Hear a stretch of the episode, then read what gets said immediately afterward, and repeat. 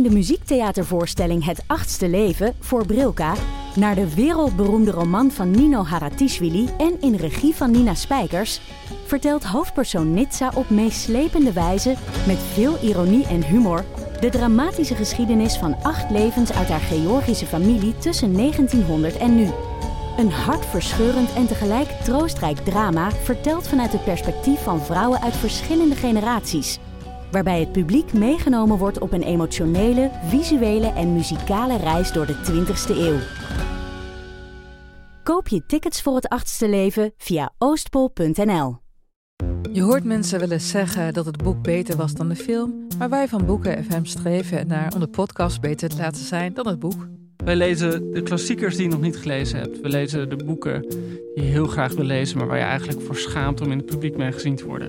We lezen de Libris-winnaars. Uh, we praten over de Nobelprijslariaten. Allemaal zoals je een etentje hebt, dat je moeiteloos mee kan praten en dat het lijkt alsof je helemaal belezen bent. Wij zijn Ellen, Joost en Charlotte van Boeken FM en je kunt ons luisteren in je favoriete podcast-app. Dag allerleukste lievelings, lievelings, lievelingsmensen. Dit is Money.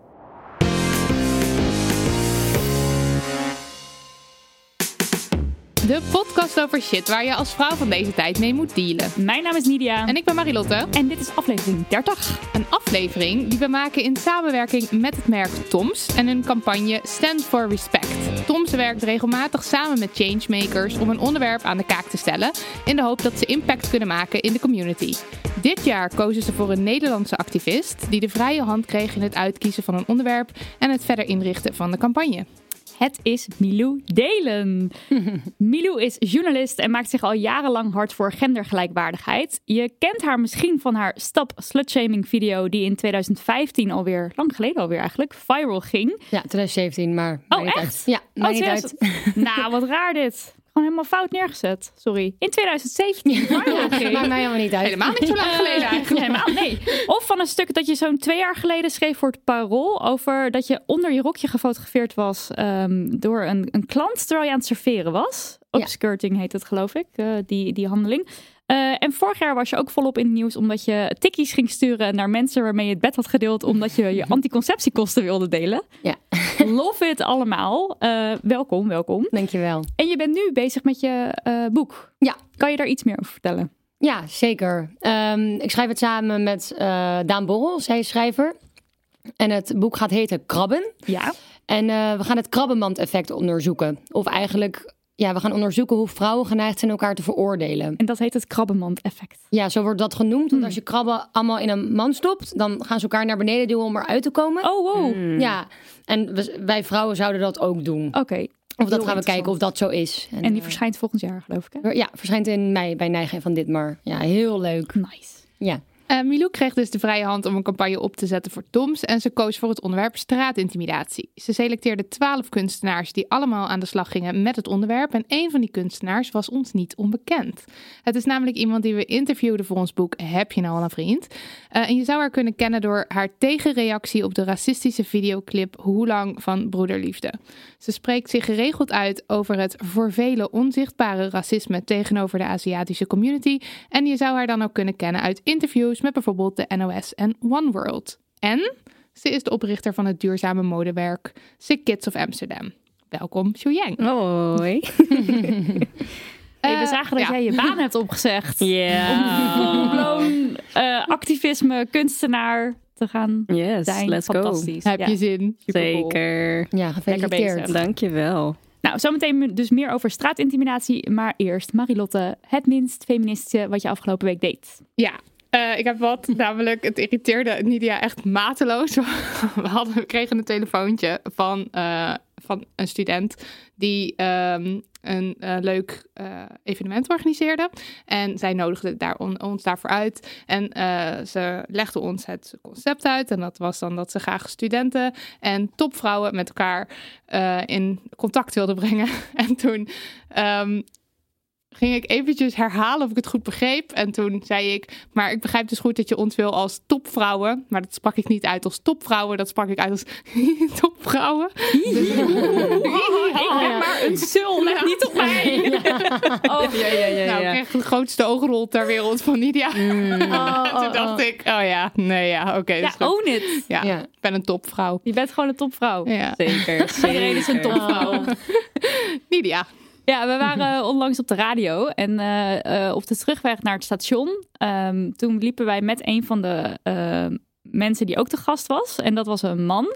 En hij sloeg echt een volledig verkeerd pad in. En dat wisten Marilotte en ik ook eigenlijk allebei, want we waren al een keer eerder daar op de radio geweest. En toch volgden we hem gewoon blindelings. Gewoon, oké, ja, is goed. Als jij denkt dat we daarheen moeten, dan moeten we daarheen. Terwijl ik, ik dacht ook gewoon nog ergens van, dit klopt volgens mij niet. Maar welk pad? Eh, Ja, gewoon dat je, dat, dat je gewoon een verkeerde... Ik denk Ja. dat het richting een bedrijf ging of zo. We moesten een Ah. stukje verder lopen en dan moesten we een gat inslaan. Oh, oh, dacht tijdens het gesprek. Oh, nee, nee, nee. Oh, ik dacht wel sloeg hij in. Oh, maar je bedoelt letterlijk een pad. Ja, een pad ja, ja, van een ja. weg. Oké, is het even...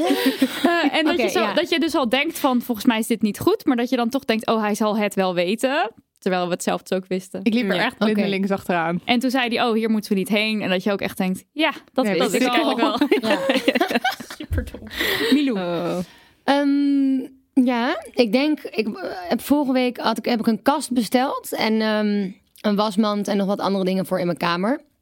En toen heb ik meteen mijn vader opgebeld of hij het allemaal in elkaar kwam komen timmeren. Eh, en toen was hij bij mij en toen heeft hij dat allemaal gedaan. En ik heb letterlijk, nou ja, ik, ik heb echt vrij weinig geholpen, omdat ik gewoon niet wist. Hij, hij zei, nou, Milou, help even. En dan wordt hij ook een beetje geïrriteerd dat ik dat dan... Nou, dan moet je, weet toch wel je spijker er doorheen. En ik, weet, ik had gewoon letterlijk geen idee. En toen zei ik, oh pap, kan je ook nog even dat lijstje ophangen? En die en die en mijn wasmand in elkaar zetten. Hij was gewoon twee uur aan het klussen. En ik zat gewoon zo, ik echt zo, je wat? Ik echt zo ondertussen... Biertjes voor hem, en hapjes. En ik was voor hem aan het koken. En toen dacht ik echt, ja, ik kan, ik kan dat gewoon niet. Of ik wil het niet, dat is, net, dat is iets anders. dat is ja, dat is wel ja. echt iets anders. Maar je, Heel je omarmde die stereotype rolpatroon. Ja, totaal. En mijn vader vindt het ook heel erg leuk. En het, ja, zo praat ik het voor mezelf. goed. Is, eh, terwijl vol- ik wil gewoon ook dat ik een kast bestel en dat ik gewoon die zelf in elkaar zet. Ja. Ja. dat ik niet mijn vader hoef te bellen. Ja. Dat zou, ja. Dat Ja. zou fijn zijn. Misschien moet je eventjes naar onze andere podcast luisteren. Namelijk Op Orde Podcast. Op Orde de podcast. Daar op de eerste aflevering dan leren wij onszelf Klussen. klussen. Oh ja? Ja. Oh, dat ga ik serieus luisteren. moest er wel ook een vaderhulplijn aan Erg gênant soms. Ja. Maar Oh, ook ja. leuk. Ja, Echt Oh, leuk. dat ga ik doen. Jeng. Ja, voor mij eigenlijk dat ik de laatste tijd, sinds ik mijn haar weer heb geverfd, dat ik dacht van, oh, ik kan eigenlijk de deur niet uit zonder make-up. Terwijl super erg onzin, want ik doe het vaak genoeg. Maar als ik echt mensen onder ogen moet komen die ik ken, dan voelt het toch een beetje awkward of zo. Maar hoezo is dat, eh, staat dat voor jou in verbinding met je haar? Ja, eh, omdat mijn haar eh, niet natuurlijk is qua kleur. Dus ik merk dat ik dat dan toch eh, meer recht wil trekken of zo. Zo van, het is een chemisch kleurtje, dus dan wil ik ook wat meer op mijn gezicht smeren. Ja, heel raar. Oh. Ja, Ja. ja, ja, dat vond ik niet zo feministisch van mezelf. Nou ja. ja. Nou, nu ik erover nadenk, dat had ik ook eh, afgelopen zomer toen mijn haar roze roze haar? had. Ja, Ja, want het is toch een soort van, dan heb je, dan Ja. heb je tijd besteed aan je haar. En dan moet je het er ook Ja. uithalen wat erin zit. Ja, ik snap helemaal wat je zegt. Ja, dat is het eigenlijk bijna Ja. wel. Je wilt gewoon een look hebben, zeg Ja. maar. En als je dan zwart haar, tenminste, ik heb natuurlijk zwart haar. En ehm, ja, dan heb ik dat minder. En het gaat er al zo snel uit. Ja. Dus dan wil je gewoon ook even Ja. twee weken Boom. dat rocken. Elke dag. Ja. Ja. Oké. Ehm, tijd voor post. Nidia draagt voor. Hey Marilotte en Nidia, ik ben nu bij aflevering 17 van de podcast die echt geweldig is. De hele podcast natuurlijk, staat er tussen haakjes in. Ah. Alleen wordt hier juist echt heel veel gepraat over het niet weten wat je wil met seks. Terwijl ik juist wist wat ik wilde en schaamde me hier niet voor. De maatschappij reageerde hier voor mijn gevoel alleen nog slechter op. Zo heb ik nog steeds last hiervan door bijvoorbeeld filmpjes die ik tijdens de sexting heb gemaakt. Die worden geplaatst op pornosites. Ja, ik zit hier heel erg mee en ik weet eigenlijk niet echt wat ik moet doen, omdat ik me er ook heel erg voor schaam. Hebben jullie hier nog tips voor? Vooral hoe ik met deze maatschappij om moet gaan. Dat is nogal een vraag, hè? Ja, het is heel Ja. gro- groot. Maar tips, Ja, het hoe, is hoe zo- mee moet omgaan dat die filmpjes op die site staan? Ik denk een combinatie van weten als vrouw eh, ja, weten als vrouw wat je lekker vindt en ervoor uitkomen en er plezier aan eh ondervinden. Is dat een woord? Ja. En, en dan de reactie van de zo, maatschappij ja. erop. Hmm. Dus dat het eigenlijk niet gewaardeerd wordt. Of dat, het, ja, of dat mensen dus blijkbaar ook de nerve hebben om jouw video's op porno-sites te plaatsen. Wat gewoon, dat is toch strafbaar? Ja, volgens Ja. mij is dat ook strafbaar. hoor. Lijkt mij. Ja, ze zeggen zo tussen neus en lippen door, maar het Ja. is echt heel Het is erg. niet raar dat je Ja, daarmee zit. nee, nee. En het is niet iets waar je hoeft je absoluut niet ervoor, je ervoor te schamen. Het is vet kut dat het gebeurt. Ja, en jij hebt daar ook een keer iets over geschreven. Dat het niet ging om die filmpjes maken, maar het doorsturen ervan. Ja. Ja. Nou, daar is op zich niks mis mee met Nee. het eh, naar iemand sturen. Nee. Dat is eigenlijk vet leuk. Ja. Eh, maar als iemand het op internet zet, ja, ik zou aangifte doen. Ja. Proberen te doen. Dus, ja, de- die tip heeft ze, dat heeft ze waarschijnlijk misschien ook zelf al bedacht. Niet echt Ja. een tip, maar Ja, het is- ik weet ook niet of ze die. eh, dat is natuurlijk best wel een stap om te nemen, of ze dat zou willen. ja. Maar wat betreft ehm, eh, ja, in touch zijn met wat jij in bed wil, dat is, het doet mij dus weer heel erg denken aan jouw slutshaming filmpje ook. En dat jij het eigenlijk terugpakte Ja. door te zeggen van, yo, maar Ja, dit is ik own gewoon wie ik shit. ben. Ja. En, eh, misschien moet je dat filmpje van Milou gewoon even kijken. Ja, wel ik herken het wel, hoor. 2017, Ja, weet ik wel. 2005. ja. Nee, ik herken dat ook. Als je als, ja, als, je als vrouw eh, ja, openlijk praat over wat je wil, of je weet wat je wil, dan is het eigenlijk ook niet goed. Maar als je niet weet wat je wil, is het eigenlijk ook niet goed. Nee, het is nooit Dus goed. eigenlijk is het nooit goed. Ja. Maar en hoe, eh, want jij hebt ook dit ervaren. Hoe, hoe heb jij zeg maar het zo omgeturnd dat je dacht: oké, ik ga me hier niet voor schamen. Ik ben hier gewoon boos om en ik ga nu actie ondernemen. Mm, ja, ik schaamde me eerst inderdaad wel. En toen dacht ik... Ik was er gewoon zo klaar mee. Want ik dacht, het is mijn seksualiteit. En het is, mijn, het, het is van mij. Eh, het is niet aan iemand anders om daar grappen over te maken... of zich daarmee te bemoeien. Dus dat was een beetje dat ik dat echt wilde terugnemen. En toen, Ja. ja. Ja, ik vind het is meer dat, want ja, ik vind het gewoon heel knap hoe jij dan dus hebt bedacht, oké, fuck dat, ik ga wat doen. Ja, En, en ik, ja, ik weet niet, zo denk ik graag weet- horen, horen hoe je die switch hebt Ja, gemaakt. Maar dat ik- weet je ja, het, nou ja, het klinkt, ja, het was ja, dit klinkt heel, heel suf, maar voor mij was het echt de maat vol. Ik was er zo klaar mee. Het, ik, het was gewoon een soort, het moest, het moest eruit. Ja. Zo voelde het echt. Ik dacht echt, geen dag langer meer dit. Ik ben er helemaal klaar mee. Dus voor mij voelde het op dat moment heel natuurlijk en dat het er gewoon uit moest. Eh, ja, dat eigenlijk. Ik pikte het niet.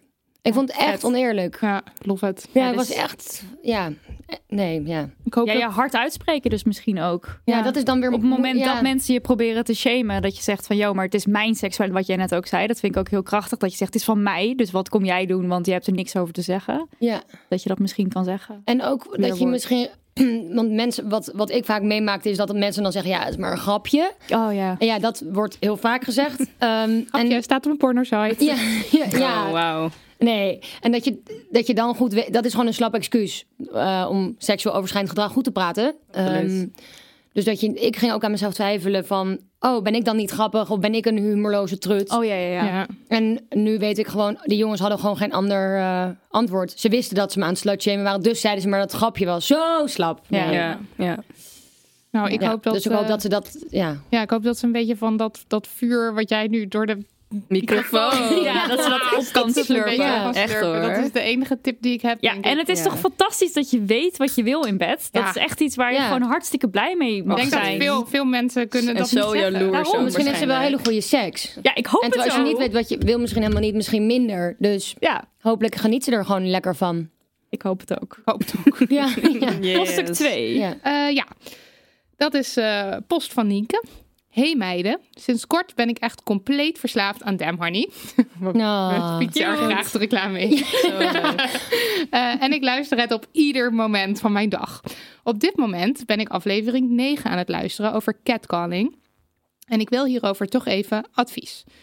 Bij mij op de hockeyclub loopt altijd een hele vieze man rond die veel bier drinkt en altijd bij meiden. Oh ja. Bij Eh, meidenwedstrijden. Bij meidenwedstrijden. en altijd bij meidenwedstrijden staat te kijken op de zondag. Op TD.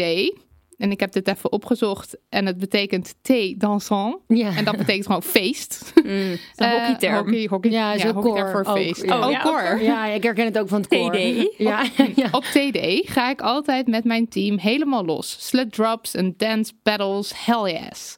Het vervelende Alright. is alleen dat deze man dan altijd vies om ons heen gaat zwermen en tussen ons in gaat dansen.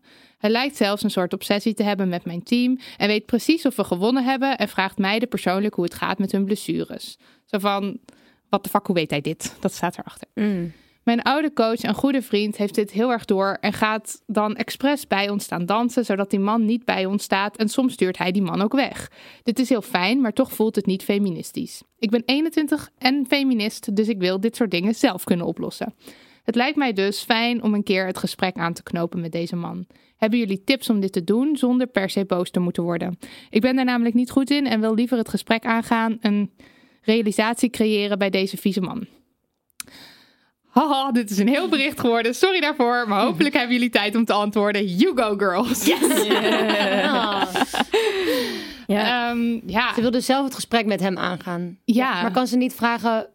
Kan ze niet gewoon letterlijk vragen... Wat, wat, wat, wat, wat, Wat doe je? Ja, wat doe je? Of waarom ben je hier altijd? Want als je dat gewoon vraagt, zeg je niet meteen dat hij iets verkeerds doet. Maar gewoon een open vraag stellen. Ja. Of van, wat interesseert het je zo dat je altijd hier bent? Ja, ik zou dat al best wel dapper vinden, want het doet me eh, een beetje denken aan de eh, tijdens de Gay Pride. Toen eh, wa- ja. waren wij, ehm nou ja, Nide en ik hadden allebei van die van die tapeldingen. Ja, ja. Oh eh, eh, Pepeldingen en onderbroek, dat was alles wat Ja, ik aan dat had. hadden, dat hadden we aan. En eh, we liepen, of we, we wa- waren aan het wachten op de plek waar de boot zou vertrekken. Dus er stonden daar heel veel Ja, ik stond kleden er half naakte Ja. naakte mensen. Ja.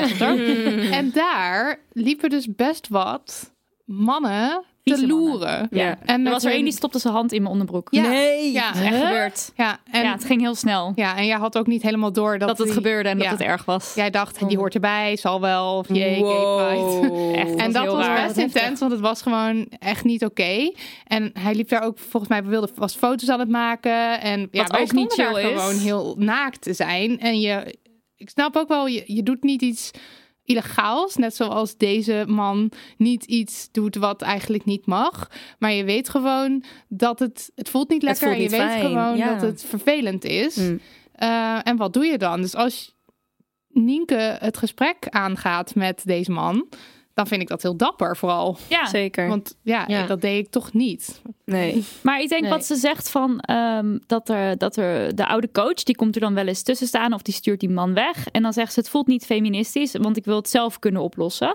En op zich, ik snap die gedachtegang wel, maar je hoeft het natuurlijk niet Nee. altijd zelf En op is te die coach een man? Eh, ja, ik denk, eh, mijn Ja, oude, oude coach en goede vriend, ik denk het Oh, wel. ja. Ja. Ehm, het is ook wel, so- soms is het fijn als iemand voor je opkomt en als iemand anders het kan oplossen. En het hoeft niet als een nederlaag of eh, nou, ik durf het zelf niet of zo. Het kan juist heel fijn zijn om iemand anders hulp, denk ik, gewoon Ik te ook. accepteren. Ja, absoluut. Zeker. Ja, schakel Ehm, gewoon. Maar ik vind op zich wel een goede, inderdaad, wat jij zei, Milou, Milou, van ehm, gewoon een open vraag stellen. Dus niet meteen zeggen van je doet altijd judging, ja. dit. Ja. Nou, dan gaat iemand sowieso niet goed op reageren. Nee, lijkt hè? me. Nou, Dat dat, lijkt denk mij ik ook niet. niet. Dat, niet snel. Nee. Maar ja, en die coach, als ze zich daar veiliger door voelt, als, als die coach het oplost, dan lijkt me dat inderdaad Is het niet per se kwalijk? Nee. Nee, totaal niet. Nee. Ze moet ook zo- zeker zorgen dat ze wel veilig blijft. Zeg Ja. maar. Je weet maar nooit hoe dingen kunnen lopen. Ja, dat is ook nog wel een goede inderdaad, ja. Ja, en als, je, ja, en als hij dan antwoord geeft op dingen of hij zegt, hé, waarom vraag je dat dan? En je durft het te zeggen, dan kan je wel zeggen van, nou, ik voel me er gewoon niet fijn bij hoe je altijd alles weet over ons. Of hoe Exact. je altijd hier een beetje bij Ja. hangt. Maar dat zijn allemaal gewoon hele enge, spannende dingen om te doen. Ja, dat, ja, Dus ik snap dat ook heel goed als je dat niet doet. En dat maakt je helemaal niet onfeministisch of Exact. zo. Ja. Ja. Nou, eh, Heb je hier wat aan? Ja, Nienke. zet hem op. veel plezier bij je volgende TD.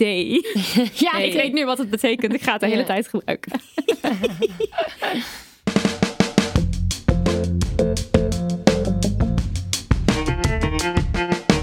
We moeten het even hebben over straatintimidatie en de campagne Stand for Respect die Milou in samenwerking met Toms opzette. Vind je het oké dat vrouwen vanwege hun seksualiteit worden geslutshamed, terwijl mannen daarvoor worden geprezen? Accepteer dat vrouwen net zo seksueel zijn als mannen. 83% van de Amsterdamse vrouwen tussen de 15 en 34 jaar krijgt te maken met straatintimidatie. Iedereen moet ongehinderd over straat kunnen, ongeacht je gender. In 2019 is er nog steeds ongelijkheid. Door niks te doen hou je dat in stand. Spreek je uit, iedereen kan iets doen. Ja, nice. Je hoorde Milou in de video die ze met Toms maakte. We legden het aan het begin van de aflevering al even uit. Toms die werkt regelmatig samen met changemakers, dus mensen met een missie van over heel de wereld. En dat is eigenlijk omdat het bedrijf ontstaan is vanuit de overtuiging om een betere toekomst te maken. En dat doen ze onder andere door bij elke aankoop iets terug te geven aan de community. En dat doen ze zowel globaal als lokaal. Dat begon allemaal in 2006, toen de oprichter in Argentinië kinderen zonder schoenen ontmoette. En hij besloot om een bedrijf op te zetten dat voor elk verkocht paar schoenen ook weer een uh, paar schoenen uh, terug te geven of uh, te schenken aan kinderen die geen schoenen hadden. En later heeft dit zich uitgebreid. En nu heeft de Toms Community niet alleen schoenen, maar ook hersteld gezichtsvermogen. En dat is geloof ik in de vorm van laseren, maar ook in de vorm van brillen. En schoon drinkwater aan 96 miljoen mensen rond heel de wereld kunnen aanbieden.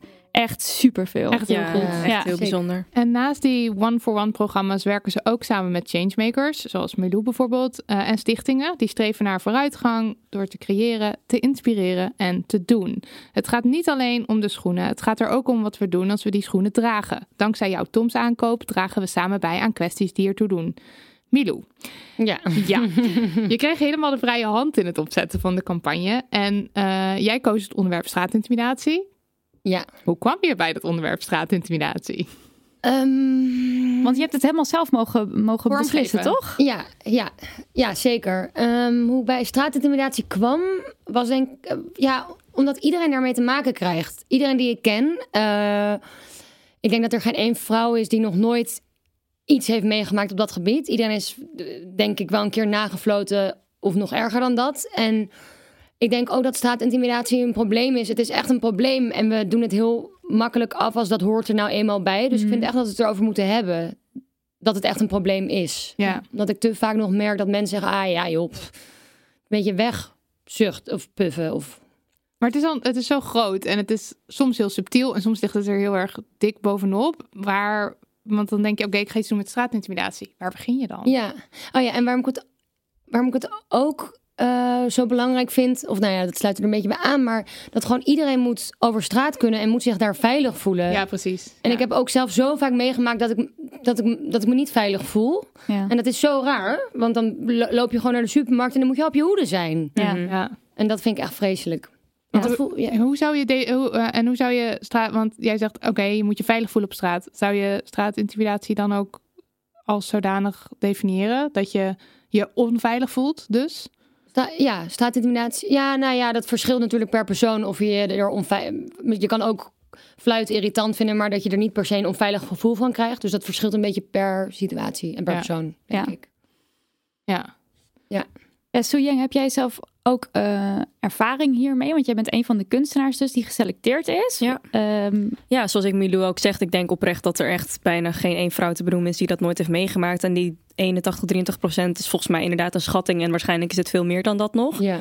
Dus zeker mee te maken. En als vrouw van kleur ben je zeg maar ook nog eens exotisch. Dus dan Ja. worden natuurlijk ook, zoals jullie in je boek hebben beschreven, Ja. nog extra opmerkingen daarvan gemaakt. En, ja, want eh, eh, daarover, over ons boek. Want daar beschrijf jij een situatie dat jij nog op de basisschool zit. Ja. Eh, kan, kan je dat misschien delen? Ja, dat ik, eh, die, dat ik terug naar mijn eigen land moest. Oh ja. ja, ik zat toen in groep 7. En toen Ja. eh, was ik vanuit Almere stad naar Alphen aan de Rijn verhuisd. En dat is gewoon best wel een klein stadje. Ehm, en toen liep ik naar, de, naar school. En toen was ik gewoon aan het lopen. En toen was er een vrouw die mij eh, vanuit de andere kant benaderde. En die riep echt naar mij, ga terug naar je eigen land. Ja. En dat ik toen ook echt dacht van... Wow, ik ben even verward. En op zo'n moment weet je gewoon niet goed wat je moet zeggen. Nee.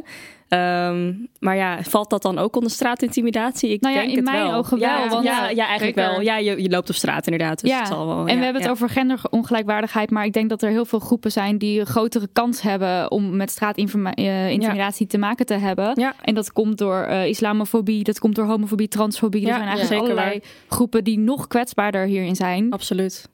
Ja, ik weet niet of kwetsbaar het goede woord is eigenlijk. Maar in ieder geval... Maar, maar die, er sneller, ja, ja. Ja. die er sneller mee te maken hebben. Ja, Dus ehm, ja, het is gewoon een heel groot, eh, groot probleem eigenlijk. absoluut. Ja. En jij koos er dus voor om twaalf mensen een kunstwerk te laten maken. Ja. Hoe heb je die groep samengesteld? Ehm, nou, een paar van die kunstenaars kende ik al persoonlijk. Mhm. Ehm, maar ik wa- waren ook een paar vrouwen die ik al langer volgde op Instagram bijvoorbeeld. En die ik gewoon te gek vond. Dus ik, eigenlijk was die lijst wel redelijk snel gemaakt. Ja, Omdat ik gewoon meteen... weer- Ik, ja, het is zo'n grootste vrijheid en luxe dat je bedenkt... Oké, ik wil twaalf vrouwelijke kunstenaars... en dat je daar een lijst van mag samenstellen. En het waren wel allemaal vrouwelijke kunstenaars... eh, van wie ik wist dat ze bezig waren met het thema vrouw of seksualiteit. of- Gendergelijkwaardigheid. ja, gendergelijkwaardigheid. Het- Ja, daar heb ik wel op gelet. Ja. Eh, en ik vond het belangrijk dat het een mooie groep werd. eh, dat het verschillende werken zouden zijn. Dat er diversiteit, dat dat stond ook heel hoog eh, bovenaan mijn lijstje. Ik, ja, ik wilde gewoon het een mooie groep zou zijn. En dat is gewoon volgens mij heel goed gelukt. Ja, heel goed gelukt. En Ja. met welke opdracht gingen, gingen de kunstenaars eh, aan de slag? Ja, wat Ik voor heb- mail stuur je dan? Hallo. Nou, nou, ik heb, eh, nou, de opdracht die ik heb gestuurd is gewoon volgens mij letterlijk... eh, wil jij een werk maken over straatintimidatie en je mag het helemaal zelf Helemaal zelf, invullen. ja. ja. toch? Ja. Ja, want ik vond het... Ja, want dan krijg je van iedereen een hele andere in- interpretatie. En dat zie je ook heel erg terug in de werken. Dat de een beeld eh, had een... eh, Lana Prins had eh, een foto van lippen en de andere een naakt. Je hebt zo verschillende interpretaties en dat vond ik echt te gek. Ja. En wat me ook opviel is dat meteen al die kunstenaars zeiden... Oh ja, ja, nou daar heb ik heel veel... eh, dat heb ik zelf meegemaakt, dus daar kan ik wel een mooi werk Klopt. over maken. Ja, het was ja. echt... Zo relatable. dus ja, van iedereen kreeg ik dat. Ja, dus, het is ehm, echt zo. het was echt een feest om met, met jullie allemaal dat te mogen doen. Het is Ja. echt een feest. Was er dan bij jou... feest, eh, ja. ja. Nou ja, Ja, in het wel thema. een best moeilijk onderwerp, maar het was Ja. wel echt te Het is een zwaar Ja. onderwerp, maar om met zoveel mensen samen Ja. te mogen werken is wel cool. heel empowering was dat. Ja. Was er voor jou, eh Suyang, dan een, een bepaalde situatie die dan meteen bij jou naar boven kwam toen jij jouw werk ging beginnen? Eh. of, of neem je een soort van de alg- het algemene gevoel? Mm, nou ja, ik had niet per se één situatie of zo die me heel erg was bijgebleven, waardoor ik dat werk heb gemaakt. Het is gewoon meer de, meerdere situaties die je meemaakt en wat voor gevoel mij dat dan persoonlijk gaf. En dat ik me gewoon weer even moest inbeelden in die situatie dat ik dat inderdaad meemaak, vaak als het donker is buiten. Ehm, ook heel vaak niet hoor, maar dat ik wel even dacht van hoe voel ik me eigenlijk daarbij als het me overkomt. En ehm, als kunstenaar moet je sowieso natuurlijk dicht bij ja, emoties komen, zeg maar. Gevoelens, je moet bijna een soort van terug in de tijd gaan naar dat moment dat het gebeurt om zeg maar dat echt weer te kunnen ervaren. En het enige wat ik zag was ja, die handen dus die ik had gemaakt. En Ja, misschien kan je het even omschrijven voor de zeker. luisteraar. Ja, eh, ja, het zijn inderdaad eh, de handen die dan om dat meisje heen gebouwd zijn. Eigenlijk die haar allemaal willen aanraken. En dat zij eigenlijk al in een foetushouding zichzelf probeert te beschermen. En ehm, dat is ook hoe je je op zo'n moment voelt. Gewoon heel klein en kwetsbaar. En ehm, ja, ontzettend bang eigenlijk voor je eigen veiligheid. Dat er iets aan wordt aangedaan. Ehm, en ook ergens wel een beetje koud of zo. Ja. Ja, ja. En heb je zelf dan, ehm, heb je wel situaties eh, waardoor je je echt zo voelde Ehm, ja. meegemaakt? Of is dit een soort eh, vergroting van... Mm, ik denk dat het gewoon wel standaard is dat ik me zo voel als er iets gebeurt. Vooral als je zelf als activist bezig bent. Je strijdt voor heel veel. En ehm, dan doet het nog extra pijn of zo. Dat, dat je echt denkt van, oh, ik strijd hier al zo erg voor. En dat je dan alsnog dat over je heen krijgt. Dat je dan op zo'n moment ook, weet je, met je bek vol tanden staat. Zo van, wow, ik dacht dat ik zo sterk was. Ja. maar op Ja. zo'n moment voel je je gewoon weer klein. Ja. En dat, is, dat vind ik het allerergste.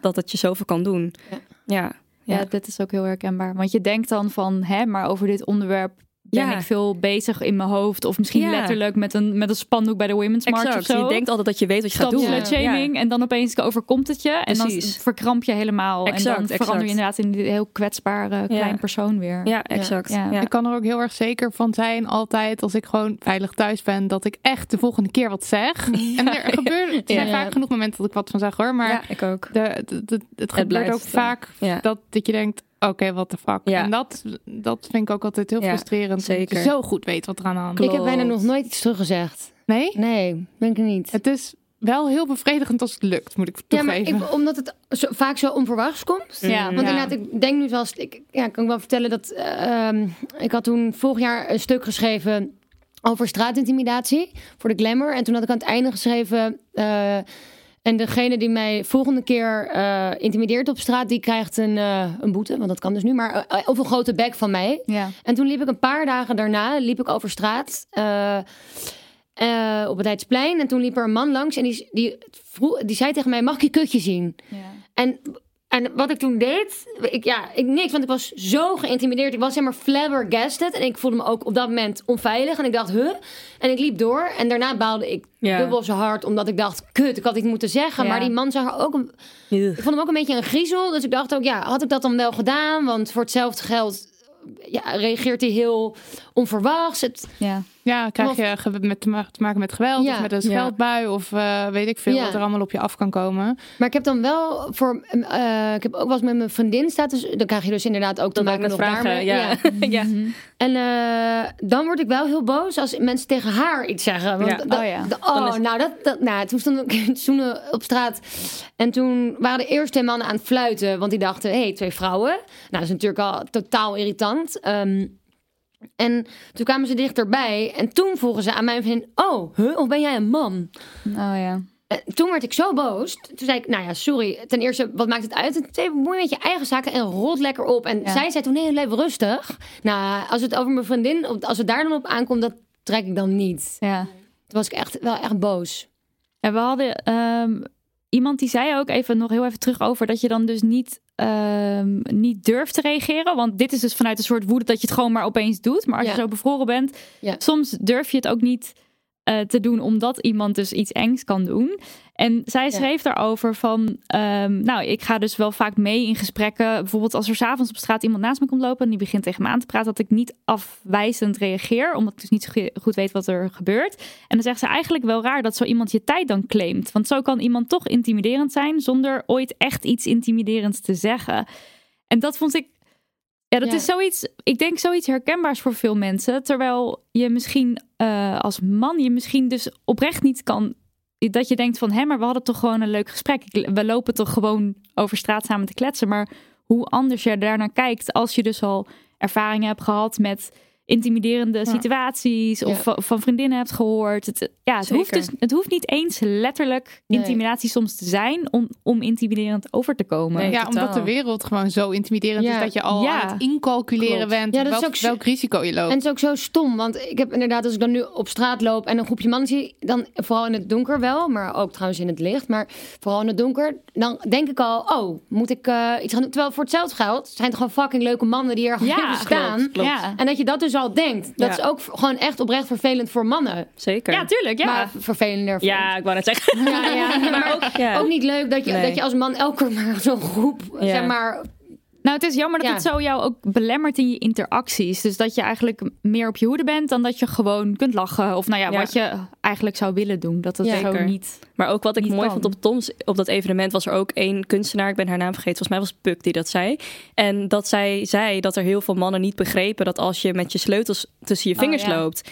Terwijl voor ons, wij we- alle vrouwen weten wat dat betekent. En dat heel veel mannen zeggen, "Huh, hoezo doe je dat? En als je dat al niet weet, dan is dat eigenlijk al een privilege. Dat je niet Ja. weet Ja, ja, hoe dat ja. is. Ja, Dat is toch lijp? ja. Vond ik zo bizar dat ze dat toen vertelde. Dacht ik, ja, dat is zo. Wij Ja. weten dat allemaal. Of dat je aan je vriendin vertelt zo van, eh, app me als je thuis bent. Ja, Ja. dat, Doen, dat doen mannen Ja, volgens mij ook niet zo. bellen bent. Ja, ja exact, exact. Ja. Ja. En wat ik wel ook vind dat, dat mannen dus wel kunnen doen, als ik dat als een vrij mag zijn om dat te zeggen, is dat eh, als, je, als er een vrouw alleen in het donker loopt en je loopt erachter, ga er even naast of voorlopen. Ja. En dan kunnen ma- mannen wel zeggen, nou onzin, maar dan denk je, ja, maar dat kan je dus wel doen. Dat is Ja. niet zo heel moeilijk. En dan weet die vrouw al dat ze niet opeens voetstappen, dat ze veilig is. Ja, Exact. Dat kan al echt wel een goed gevoel geven. Dat is echt een kleine moeite voor mannen. Ja, ja het Ze is jammer dat het nodig is, maar... ja, ik vind het echt irritant als mannen daarover gaan lopen piepen. Ja, dat ze dan eh, hun leven moeten aanpassen. Ja, terwijl ja, doe het Ja, gewoon even. het geeft, kan, kan echt een veiliger gevoel voor Absoluut. geven. Ja, Ja. absoluut. De vrouwen die zijn echt al vanaf een jaar of 12, 13 denk ik hier al Mee bezig, ja. mee bezig.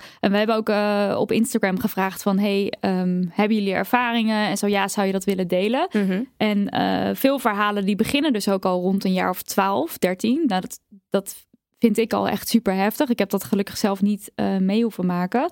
Maar we kregen echt een, een mega waslijst van eh, intimiderende situaties. Eh, en mocht er nou iemand luisteren die denkt van ja, dat, dat fluiten, hoe erg is het of zo. Maar het gaat dus het gaat zoveel verder dan fluiten. We hebben best wel veel mensen gehad die zeiden dat ze achtervolgd zijn. Echt super eng als je dat meemaakt. Bij de bil grijpen, ongewenst foto's van je maken. Dus dat je dat ziet gebeuren terwijl je dat helemaal niet wil. Vies staren. eh, er niet langs mogen tot je je nummer geeft. Wow. Eh, uitschelden. En dan vaak met eh, termen als hoer of keg of slet of nou, Mhm. dat soort dingen. Vieze geluiden maken. ongewenst om je naam vragen. Roepen vanuit een auto. Heel dicht bij je komen zitten of staan. Dus echt zo in je space komen. Uitgescholden worden voor homo. Er was een jongen die dat instuurde. In je kruis gegrepen worden. praatje aanknopen om niks. Dus een man die vroeg dan de weg naar het station. Maar die was helemaal niet op zoek Mm. naar het station. Ehm, dus het, het is, het, ja, het is zo'n. Het, het is echt overweldigend. We hebben het echt niet alleen maar over eh pst, meisje, wat ook Nee. echt fucking irritant kan zijn. Dus daar mogen we ook echt wel om zeiken. Maar het gaat ook echt om hele enge situaties waarin mensen, ja, waardoor mensen echt anders naar de wereld gaan Ja, kijken. Absoluut. Ja. en wat dus heel veel terugkwam eh, toen wij vroegen naar, ehm, naar ervaringen was... eh, dat, dat mensen dan het pst, hey meisje en zo nou, al niet eens meer meetellen. Want Nee, dat is zo omdat- normaal. ja, ja. Dat, Dat, hoort erbij. niet mee, Ja. maar ik Ja. ben ook achtervolgd. En dat is zeg Ja, maar, ja, ja. de- dat is dan hetgene wat besproken wordt, wat ik gewoon al best wel heel erg vind. Want Zeker. dat zou de uitzondering moeten zijn. En dat is het dus blijkbaar niet.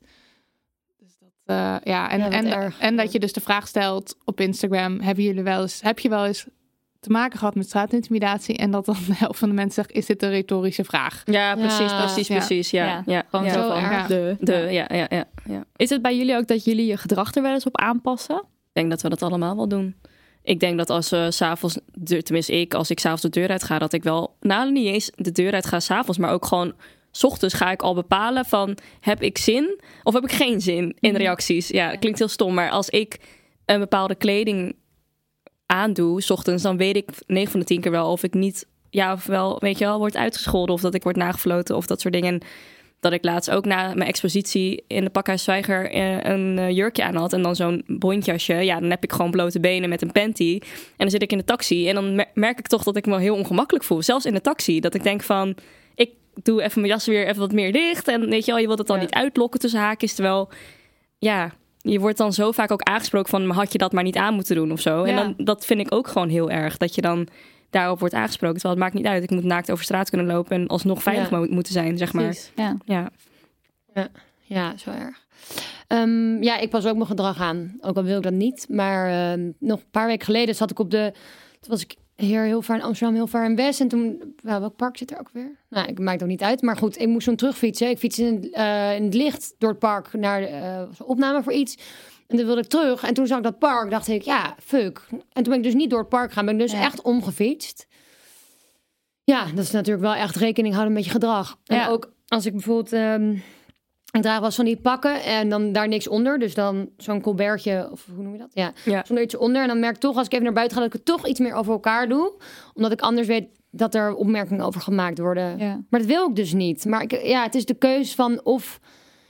Ja, of weten, je onveilig voelen en weten dat er reacties op kunnen komen, of dat even doen. Maar dan, ik voel het toch, voelt het alsof ik me dan overgeef aan de, ja. zeg maar, de, de potentiële daders. Ja, ja. Dat is ook irritant, maar... Ja, en het neemt ook zoveel ruimte in je hoofd allemaal in, wat gewoon niet zou moeten natuurlijk. Dus los van dat het letterlijk extra tijd inneemt om dus om te gaan fietsen, is het ook Ja. weer de hele tijd, zoals jij zegt, 's ochtends nadenken over wat, wat je aandoet. Ja, Eh, zeker. Ja. Het is gewoon zo. eh, En gisteravond, toen moest ik heel ver. eh, het zijn ook wel de signalen die je als ouders, denk ik, op je kind. eh, wat- je overbrengt. Want eh, ehm, gisteren eh, moest ik heel ver ook fietsen. Echt een half uur, na, nog een kwartier verder dan Amstel. En toen zei mijn moeder, was gisteren daarvoor even bij mij. En die zei. Gaat dat, je gaat het toch niet fietsen? De- door de donker nog straks? En zei ik, ja, maar hoe moet ik er anders komen? En zei ze, nou ja, nee, maar niet. Het was helemaal zo. Mm. En nou, uiteindelijk, want ik wil gewoon fietsen, want ik had zin om te fietsen. Ja. En ik wil gewoon daarheen kunnen fietsen. ja, En ben- vrij zijn ook, toch? ja, en ik snap wel dat mijn moeder zich zorgen maakt. Die weet in wat voor wereld we leven en wat voor fuck-ups er zijn. Maar ja, toen ben, ik- uiteindelijk ben ik toch gaan fietsen. Maar dan denk ik daar wel over na. Van, oh, is mijn moeder nu bezorgd? Ja. Maar ik heb, het- ja, dat is wel ook vervelend. Ja, ik vind dat dit, is ook een heel interessant iets. Want eh, stel je zou zelf een, een dochter hebben. Wel, ja, het is, Ik zou het waarschijnlijk Ja. ook zeggen. het is echt Ja. super moeilijk. Ja. Ja, in hoeverre waarschuw je... Ja, ja Want waarschuw je... uiteindelijk is de wereld niet een veilige plek. Nog, denk ik. Nee, nee. zeker. En dan moet je toch een soort van aan de ene kant de boodschap meegeven.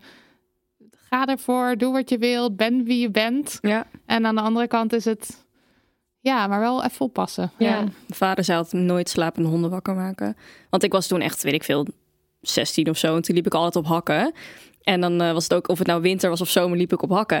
en dan was het natuurlijk gewoon super koud buiten en laat. En het werd al heel snel donker. En dan liep ik met die hakken zo klok, klok, klok. En dan hoorde je me al helemaal aan het eind van de straat. Ik thuis zou komen. Jij Mijn vader, maakte letterlijk slapende Ja, ik maar was gewoon zo met mijn hakjes zo aan het lopen. En mijn vader vond het zo rot. Of elke keer als ik gewoon... Hij, eh, hij is zelf een, een vechter, zeg maar. Dus hij heeft altijd vechtsport gedaan. Dus hij kijkt ook naar mij zo van... Wat is gevaarlijk? Dus zo van, als ik een Oh. choker om had, dan zei hij van... Oh, dat kunnen ze zo doen. Of weet je, of als je hakken hebt, dan kan je niet minder, niet minder snel rennen. Dus hij keek echt naar Ah. mij zo van... Hoe ga jij nu in de problemen komen? Of als ik bijvoorbeeld een staart in had, zo van... Oké, dan kunnen ze je daar aan trekken. Dus hij was er heel erg mee bezig. Hoe Ja. ik mij dan ja, kleden. Zo van, is dat gevaarlijk of niet? Ja. En je hebt ook een broer, toch? Ja, één broer. En ja. hoe was dat? Eh, Ja, Was hij daar eh, ook mee bezig? Van, Ja, nou ja, als, als man denk ik sowieso dat je inderdaad anders wordt opgevoed dan je, dan je als dochter inderdaad. Ehm, en hij en ik waren heel vaak samen toen we klein waren. Dus ik was wel onder zijn hoede. Maar toen we op een gegeven moment puber werden, toen waren, ja, waren we een beetje uit elkaar gegroeid. En hij was echt zo'n huismus. Dus hij was altijd thuis eigenlijk. Hij was echt heel anders dan ik. Ja. Dus ik was zeg maar echt dat rebels meisje die dan haar telefoon niet opnam. En weet je wel, ja, omdat je wordt gewoon heel erg, ja, je veilig, ja. Je, het voelt alsof je vrijheid wordt ontnomen. En als je dan gaat rebelleren, dan, ja, dan wil je daarin tegengaan natuurlijk. Ja. Dus, ja. Ik, ik zat zelf ook even na te denken van hoe pas ik zelf mijn gedrag aan? Ja. En zo ja, hoe dan? En ik dacht eigenlijk van nou, het valt wel mee. Ik heb ook niet een heel heftig uitgaansleven of zo. Dus ik ben ook niet eh, heel laat nog op straat of zo. Maar toen dacht ik vervolgens, eh, ik hou bijvoorbeeld van hardlopen. En het zou dus nooit in me Mm. opkomen om s'avonds laat, bijvoorbeeld om tien uur nog naar het park te gaan. Of in mijn eentje eh, een beetje afgelegen gebieden en zo op te Ja. zoeken. Maar dat spreekt voor mij al zo voor zich dat het me niet opviel dat dat mijn gedrag aanpast Oh ja. was. Ja, Omdat het altijd al mijn Ja, gedrag is geweest. Ja, ja, ja. ja, ja. Ja, dat is een soort Dus- ingebakken ja. waarheid. Ja, dus Ja. dat je Ja. denkt van, oh ja, nee, ik doe dat eigenlijk niet echt. Totdat je dan denkt van, oh, maar dat zijn allemaal dingen die ik eigenlijk sowieso niet zou doen. Nee. Terwijl mijn pas- vriend dat wel allemaal doet. Ja, Ja. exact. pas op op het moment dat je dus eh, dat er tenminste als je wordt benaderd op straat door iemand en dat je denkt oké nu ga ik even omlopen want dan kom ik hem niet meer tegen dan weet je het ben je er heel bewust van Ja. Ja. maar eh, verder is het ook zo als ik ehm, naar Nidia's huis eh, ga bijvoorbeeld ik loop het liefst maar als ik weet oké nou ja, vanavond gaan we een podcast opnemen dan ga ik eh, weet ik veel na elf uur naar huis dan ga ik wel even op de fiets dan ga ik niet lopen naar huis Nee, precies. Ja, Ja. ja. Dus dat zijn wel van die dingen waar je dan rekening mee houdt. Terwijl ik dat toch eh, ja, heel vanzelfsprekend vind dan. ja. En de lijst van, we vroegen het ook aan op Instagram en de lijst was echt, ja, ik ga hem niet eens voorlezen. Het is zoveel. Het gaat van, mijn man haalt me op bij de tramhalte tot, eh, ik kijk standaard poser naar mannen. Mhm, Dat zijn mhm. allemaal Oh, ja. dingen hoe mensen dus... eh, eh, Ja, neptelefoontjes plegen, niet Ja. hand in hand lopen met vriendin, van bepaalde buurten, buurten mijden, de taxi nemen, niet Haar meer onder- gaan hardlopen. haar onder capuchon of muts verstoppen. Ja, Oh, ja, ja. En er was er zelfs eh één iemand bij die niet haar eigen huis in durfde te gaan, omdat het groepje dan zou weten waar ze woonde. Jeetje, wat erg. Ja. Het groepje waardoor ze dus achtervolgd werd. Dat zijn echt. ehm, Wat erg, hè? Ja. Ja. ja. ja, en dat niet lachen, dat vind ik ook een hele herkenbare. Want ik ben, herkenbaar, ja, ja. ik ben best wel een soort eh, blij ei van mezelf. En ik was ook echt altijd heel open naar mensen toe. Dus ook bijvoorbeeld, ik heb lang bij de koffiecompagnie gewerkt. En daar was ik ook altijd heel erg eh, veel delen, veel vragen. Zeg maar heel erg jezelf openstellen. Ehm, en nou, toen ben ik een keer door een van die klanten waarmee ik dan wel best wel een goede bad had opgebouwd, door op mijn kont getikt. Toen ik een leerrokje aan had. En al die kleine situatietjes, dat je dat soort dingen meemaakt, dat zorgt ervoor dat je het steeds meer in jezelf gaat keren. En dat je dus niet meer super open en lachen. En, want dan denk je van, ja, maar zometeen volgt er iets Mhm. Wat ik niet wil. Oh, en absoluut. is Heb je er iets van, wat, hoe reageerde je op dat moment? Oh, ik, dat was echt. Ik was helemaal zo. Huh? En er was verder. Ik was in mijn eentje in de winkel. Ik heb tegen niemand gezegd. niemand weet ook dat dit zeg maar Nee. toen gebeurd is of zo. Ja. Het was een super vaste klant. Dus het was iemand die gewoon die ik elke keer weer Moest zien. die weer Ja. terug ging komen en die dan weer Oh, wat erg. een beetje viezige vragen stelde of zo. Of nou, viezig, een beetje zo. Een beetje flirty of zo. Maar ik ging dus altijd heel erg lacherig en leuk erin mee. En ik had op een gegeven moment een collega die zei van... hé, hey, maar Nidia, dat hoef je dus niet te doen, hè? Het is niet onderdeel van je baan. job, dat ja. je- dat je maar leuk. Ja, ja, dat, maar dat dacht Ja. ik. Ja, dat weet denk je je wel, ook, zo ja. geleerd om altijd leuk en lief te zijn. En ook eh, dus eh, bijvoorbeeld eh, op het station of zo, dat je dan vriendelijk naar iemand lacht. En dat, dat ben ik wel veel minder gaan doen door Ja. situaties die je meemaakt. Ja, ja. Ik word er ook heel erg, want dit gedrag wat jij nu beschrijft, dat je heel open en vriendelijk bent. Ehm, het is, het, je leert het snel af, misschien ook wel door de stad. Eh, tenminste, dat had ik. Ik werd een soort van snel harder en snel wat meer in mezelf gekeerd. En toen kwam op een gegeven moment mijn zusje op bezoek. En die was nog helemaal. Hallo Ja, ja, ja, ja. wereld! Ja, en toen dacht ik. Voorzichtig!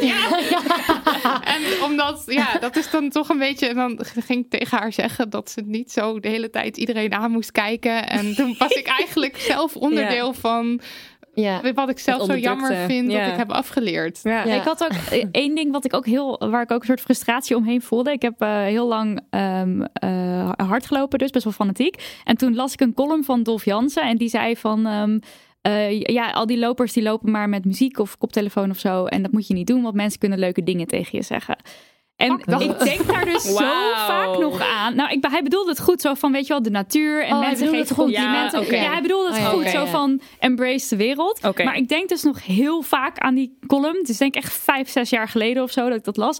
Omdat het me zo vaak is gebeurd dat ik dus shit moest aanhoren. Waardoor je dus je hey, meisje, hebt eh. Ja. mensen die achter je aanrennen. Ja. Een vent die me echt vet lang, een hele creepy vent met een soort ballon in zijn hand. Nou, ik weet niet. Oh, dat klinkt heel erg. Ja, hij was volgens mij echt was helemaal oké uiteindelijk. Maar het zijn dus wel intimiderende Ja. situaties. Ook al je weet dus niet zo goed of het wel of niet intimiderend is. Nee. Maar hetzelfde En- verhaal met het OV hoor. Dat mensen altijd Ja. zeggen: eh, je moet je oortjes uitdoen en lekker openstaan niet voor de tas, wereld. ja, Nou, niet je tas op de stoel naast je. Ja, dat doe ik bewust. Omdat Ja. ik hoop dat er geen enge Precies. naast me komt Ja. zitten. Ja. Alleen daar denken mensen dus Nee. helemaal niet over Nee, na. klopt, klopt. En die muziek doen, en die muziek dragen tijdens het hardlopen. Oké, één, dat vind ik ook gewoon heel chill hoor. Maar twee, Ja. het is ook een manier om dus niet al die comments te hoeven horen. Ik heb dat je dat denkt, ook, nou, dat ja. gaat allemaal langs me heen. Ik hoef niet eh, te horen dat ik een lekkere Ja. kont in deze legging heb. ja, Ja. ja. Want I know.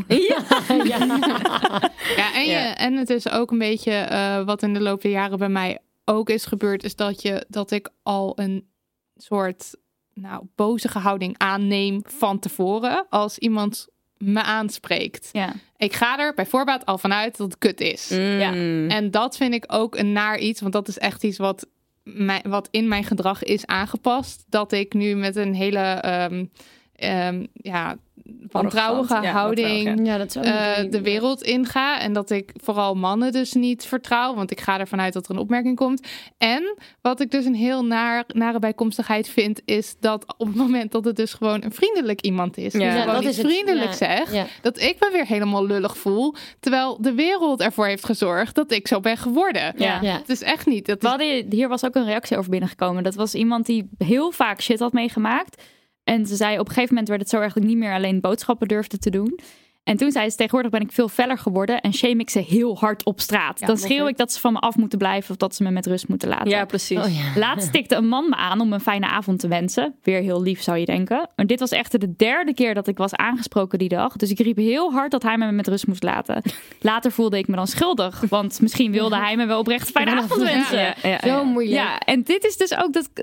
Dus dan heb je eerst al drie keer dat meegemaakt. Dan gebeurt die vierde keer. En dan ga je je vervolgens ook nog druk zitten maken. omdat je misschien een beetje boos had gereageerd. Ja. Oftewel, je hele dag werd weer gedomineerd Ja. door mannen die iets van jou moeten. terwijl Ja. je niks met ze te Nou maken ja, hebt. niet eens je hele dag hoor. Ik herinner me de laatste keer dat ik een man uitschold die gewoon dus heel vriendelijk was tegen mij. Ik herinner me, dat was, dit is echt een paar jaar terug. Ik herinner me als de dag van gisteren, omdat ik me zo schaamde. Ja. Ik dacht, ik ben zo lullig, ben zo'n slecht mens. Dus dat Ja. blijft bij je.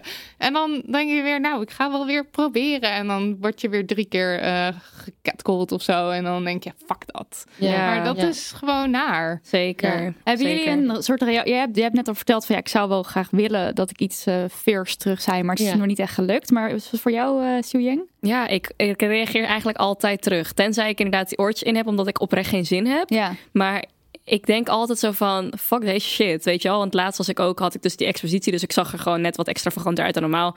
En toen was ik gewoon aan het lopen inderdaad. En toen zei iemand van, eh, hey, iets van Chino, weet ik veel. Iets van, hey Chino. En toen zei ik zo, hou je bek. Maar ik zei het echt heel hard. En zijn vrienden liepen naast me. Hij zo, ja man, hou je bek. Wat zeg jij nou? Oh, En toen nice. liep ze gewoon zo Oh, door. En toen ja. dacht ik echt, yes. Oh, wat goed. Ja, dat was echt super chill. Oh. Ja. Ja.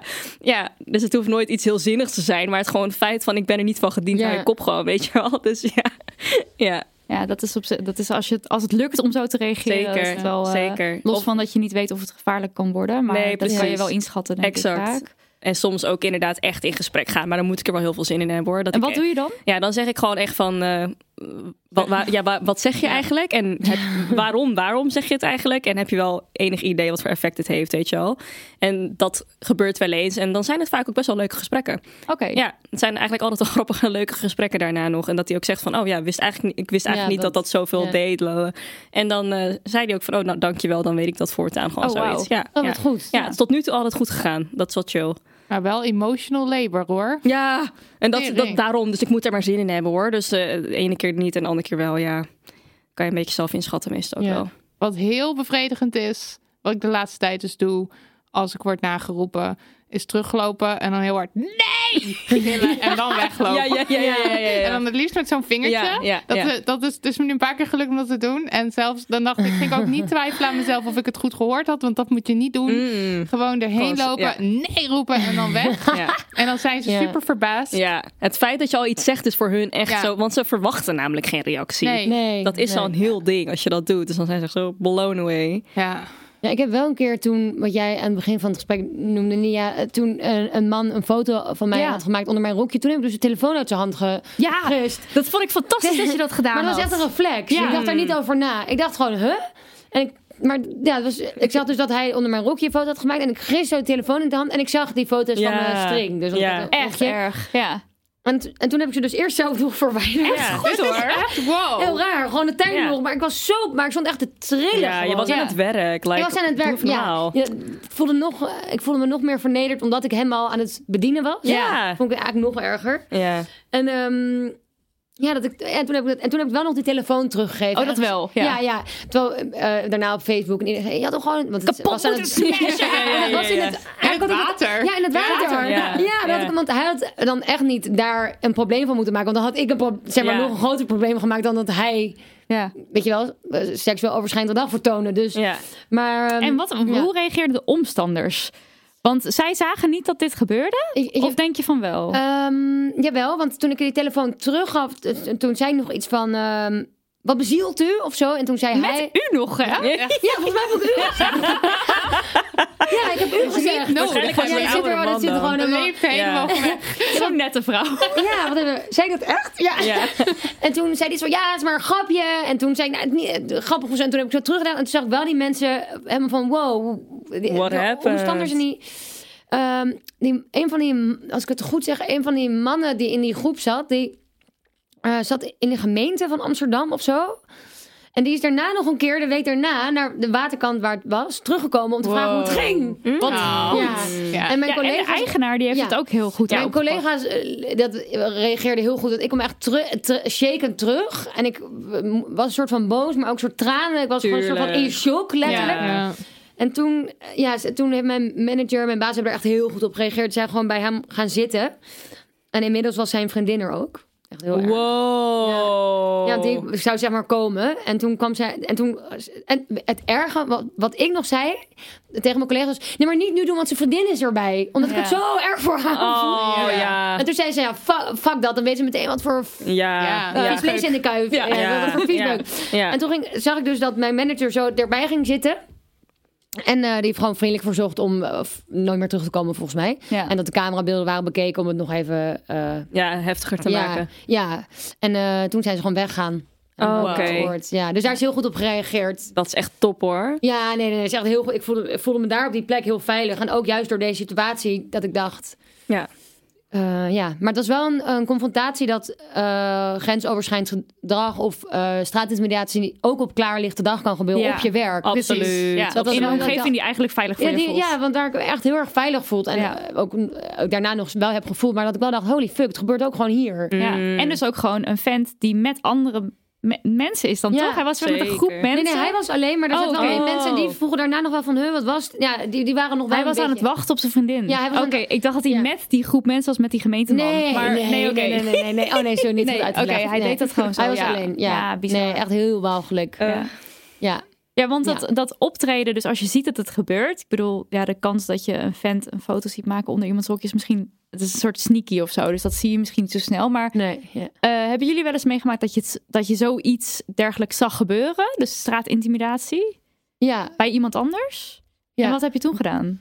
dat eh, heb ik wel regelmatig. Dat ik dan even vraag van, ehm, gaat alles goed hier? Of, eh, Ja.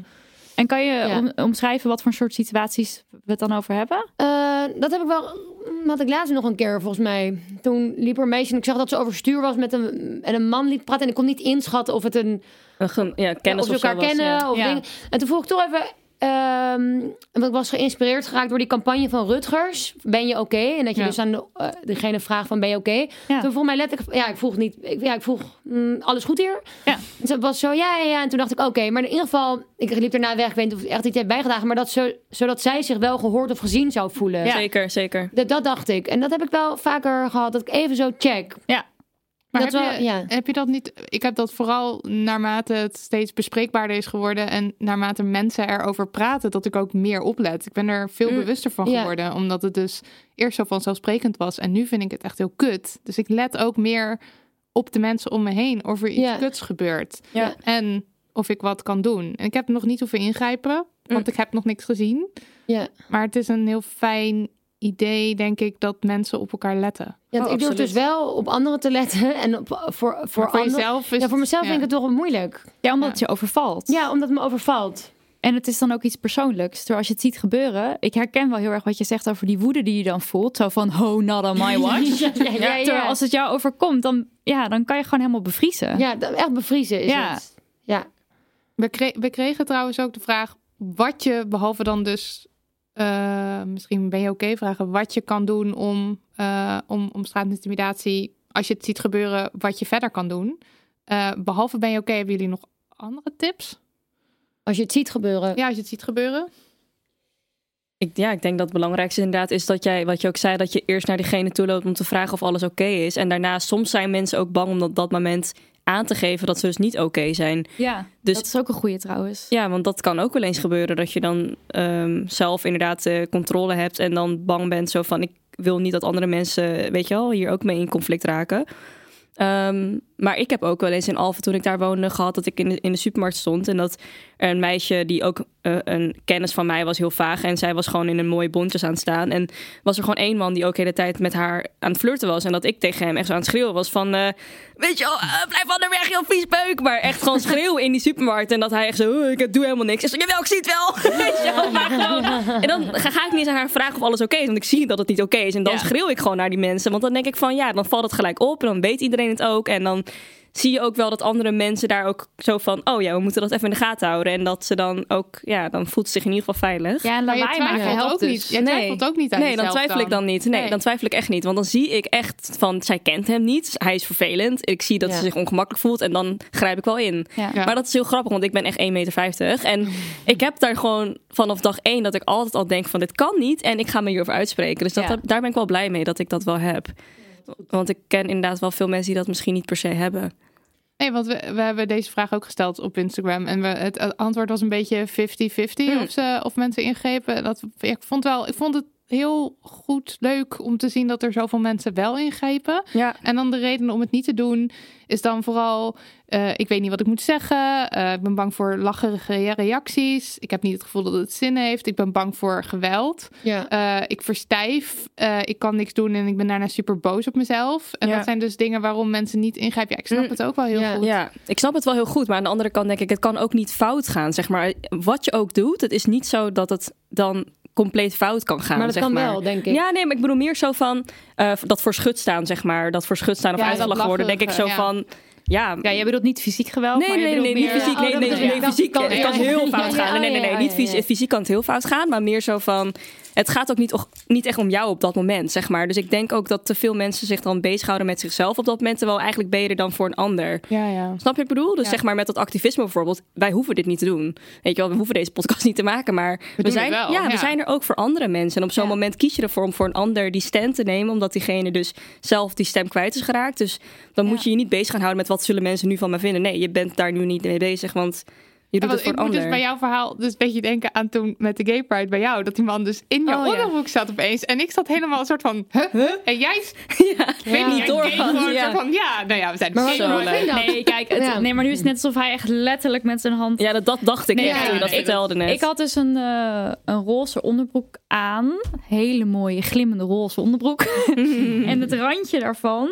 Ja, ik wijs het nu voor jullie aan. Weet je wel, zo gewoon het randje aan de zijkant. Dat zat omgevouwen, geloof ik. Of aan de Ah. bovenkant of zo. Ja. En dat deed hij dus goed. Mm. Maar daar had hij totaal natuurlijk het recht niet toe. Nee. En, Maar Ja. er stonden echt vier, vijf en ik vrouwen omheen. zat op op de stoep en hij stond en hij deed het gewoon opeens. Ja, Nee, maar- zo raar om ongevraagd iemand die niet Ja, zit. toch? Om Nee. aan je onderbroek te zitten. Maar het ging dan dus ook weer zo snel of zo. En ik was dan wel een beetje in die festiviteitensfeer. Tuurlijk, Dus een beetje zo van, oh ja, een gay en iedereen is leuk. En ik dacht, misschien is hij ook wel gay. En dan is het, ja, maar dan bedoelt hij het gewoon echt niet verkeerd of zo. Ja. Dus ik was gewoon heel erg in die... Maar ik ben sowieso heel naïef altijd daarin.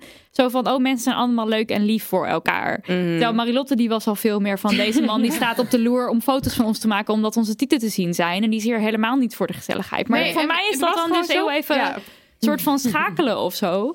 Eh, Maar ik dus had deze situatie beter kunnen is- gewoon iets ervan kunnen zeggen. En liever dan dat jij had dat, dat die man het helemaal goed bedoelde. En dat jij dacht, ah, eh, en dat Ja, het allemaal leuk wel, was. En ja. dan, dan liever dat ik even voor schut sta. Ja, dan- maar dus Ja. wel interessant dat ik me dus niet onveilig heb gevoeld in deze situatie. En dat het ook niet intimiderend voelde. Dus dit Nee. zegt ook alweer iets over.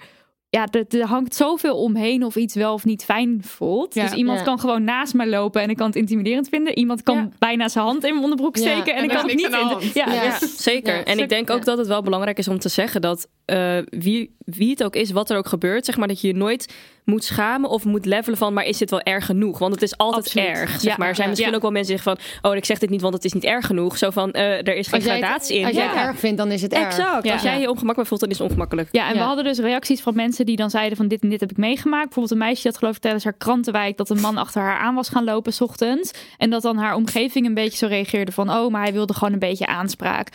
En dat is denk ik ook iets wat we met z'n allen kunnen doen. Dus ja, je kan ingrijpen op het moment zelf als je het meemaakt. Maar het gaat ook om de reactie die je geeft als iemand jou daarover vertelt. Absoluut. Dus ja, zeg je dan van hij wilde gewoon aanspraak? Of zeg je van jeetje wat rot en hoe gaat het nou morgen met je krantenwijk? En Ja. kan ik je misschien helpen? Of, Ja, ehm, exact. Ja, weet ik het, zoiets. Dus dat je er zeker. bent voor iemand. Zeker. Dat is zoveel belangrijker. Ja. Mag ik deze cola drinken? Tuurlijk, ja.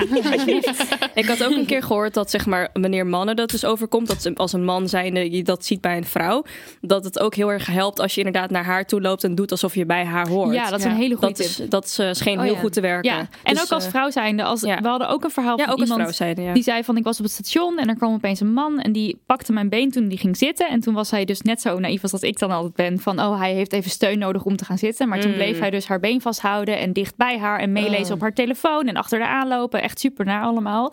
En uiteindelijk was ze dus bij een groepje mensen gaan eh, aangehaakt. En die hebben haar toen gewoon een beetje Oh, opgenomen. Ja. En ook maar die hebben ze- die man toen ook nog verder in de gaten ja, gehouden. dus toen ze de trein weer uit moest, Ja. ook weer in de gaten houden. Eh, maar zo'n groepje, dit is al heel fijn dat ze dit gedaan hebben. Maar ze hadden bij wijze van nog een stap verder kunnen gaan. En een van die mensen had op hem af kunnen stappen en kunnen zeggen van... en nu ga je hiermee kap, weet je wel. Dus Ja. als je met een groep bent en dan helemaal als je eh, een, een man bent die denkt van... nou, weet je wel, ik, ik Mhm. voel eigenlijk die intimidatie niet. Mhm. Gebruik dan alsjeblieft al die, ja, dat privilege Ja. wat je hebt. Exact. En spreek mensen gewoon erop aan. Ja. Eigenlijk wat eh, die, die fierceheid die jij voelde toen ze over jouw vriendin... Ja, weet je. Ja, Ja. voel die Kom op, gewoon. voor, voel Ja. hem altijd voor iedereen. En Ja, of het wel- gaat om... Ja, maar het is toch wel moeilijk. Want je Ja, ja, wil ja. diegene zijn, maar... mm, Ja, ja, dat snap ik heel Ja. goed hoor. Maar ik bedoel, als je dan dus met een groepje bent... Met een groep, ja. ja. en je bent een bent Ja. die denkt, wie maakt mij wat? Ik bedoel, als je dat niet denkt en als je je daar oncomfortabel... dan moet je dat absoluut niet doen hoor. Ja. Nee. Maar wees je er bewust van dat het wel echt heel erg kan helpen. Absoluut. Ja. En dat je dus niet denkt van, oh nou, ik zorg nu voor dat meisje en dan is het goed. Want die vent die pakt gewoon weer een ander meisje natuurlijk. Ja, Want ja. zo Ja. gaat het op zo'n station. Dus Zeker. nou ja, probeer gewoon daar echt wel je, Ja. ja. Ja. een, sta- een stand in te, in te nemen, zeg Zeker, maar. ja. Eh, ik denk, ja, we moeten denk ik... Ik denk dat we moeten afronden. Ja, want...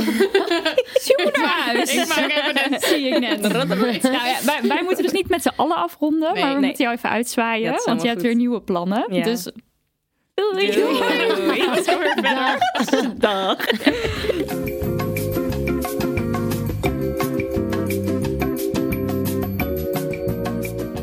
Oké, See Young is uitgezwaaid. En nu gaan wij de oplossingen bedenken tegen straatintimidatie. ja. Nou, Milou, even zeg het eens. Ja, Hoe eh, gaan we even dit nou kijken. eindelijk eens oplossen? Ehm, oh, nou, eh, ten eerste vind ik dat. ook ten eerste. Maar dat ehm, nu kan, volgens mij, als ik het goed zeg, alleen in Amsterdam en Rotterdam eh, mensen worden beboet. Mhm. En dat ze eigenlijk in heel Nederland moeten. Of vind ik. Dus nu maken alleen die grote steden, Amsterdam en Rotterdam, een, eh, ja, hebben Een dat. statement, Een statement. Ja, ja, dat wilde ik zeggen. Toen dacht ik, is dat wel. Ja, nou ja, het is ja, in ieder het geval wel. dat Ja. ze... Ja. Eh, maar dat mag wel in heel Nederland gebeuren, lijkt me. Toch? Dat we gewoon als land eh, de boodschap uitzenden van dit tolereren we niet. Mhm. Maar het is natuurlijk heel moeilijk te handhaven. Tenminste, Ja, ik, want er ik heb een beetje ambivalente gevoelens. Ik bedoel, ik vind het heel goed dat, dat het strafbaar is, want dat zou het moeten zijn. Maar ik weet gewoon niet of het te handhaven is. Maar is dat een reden om het niet in te voeren? Nee, toch? Ja, weet ik dus niet zo goed.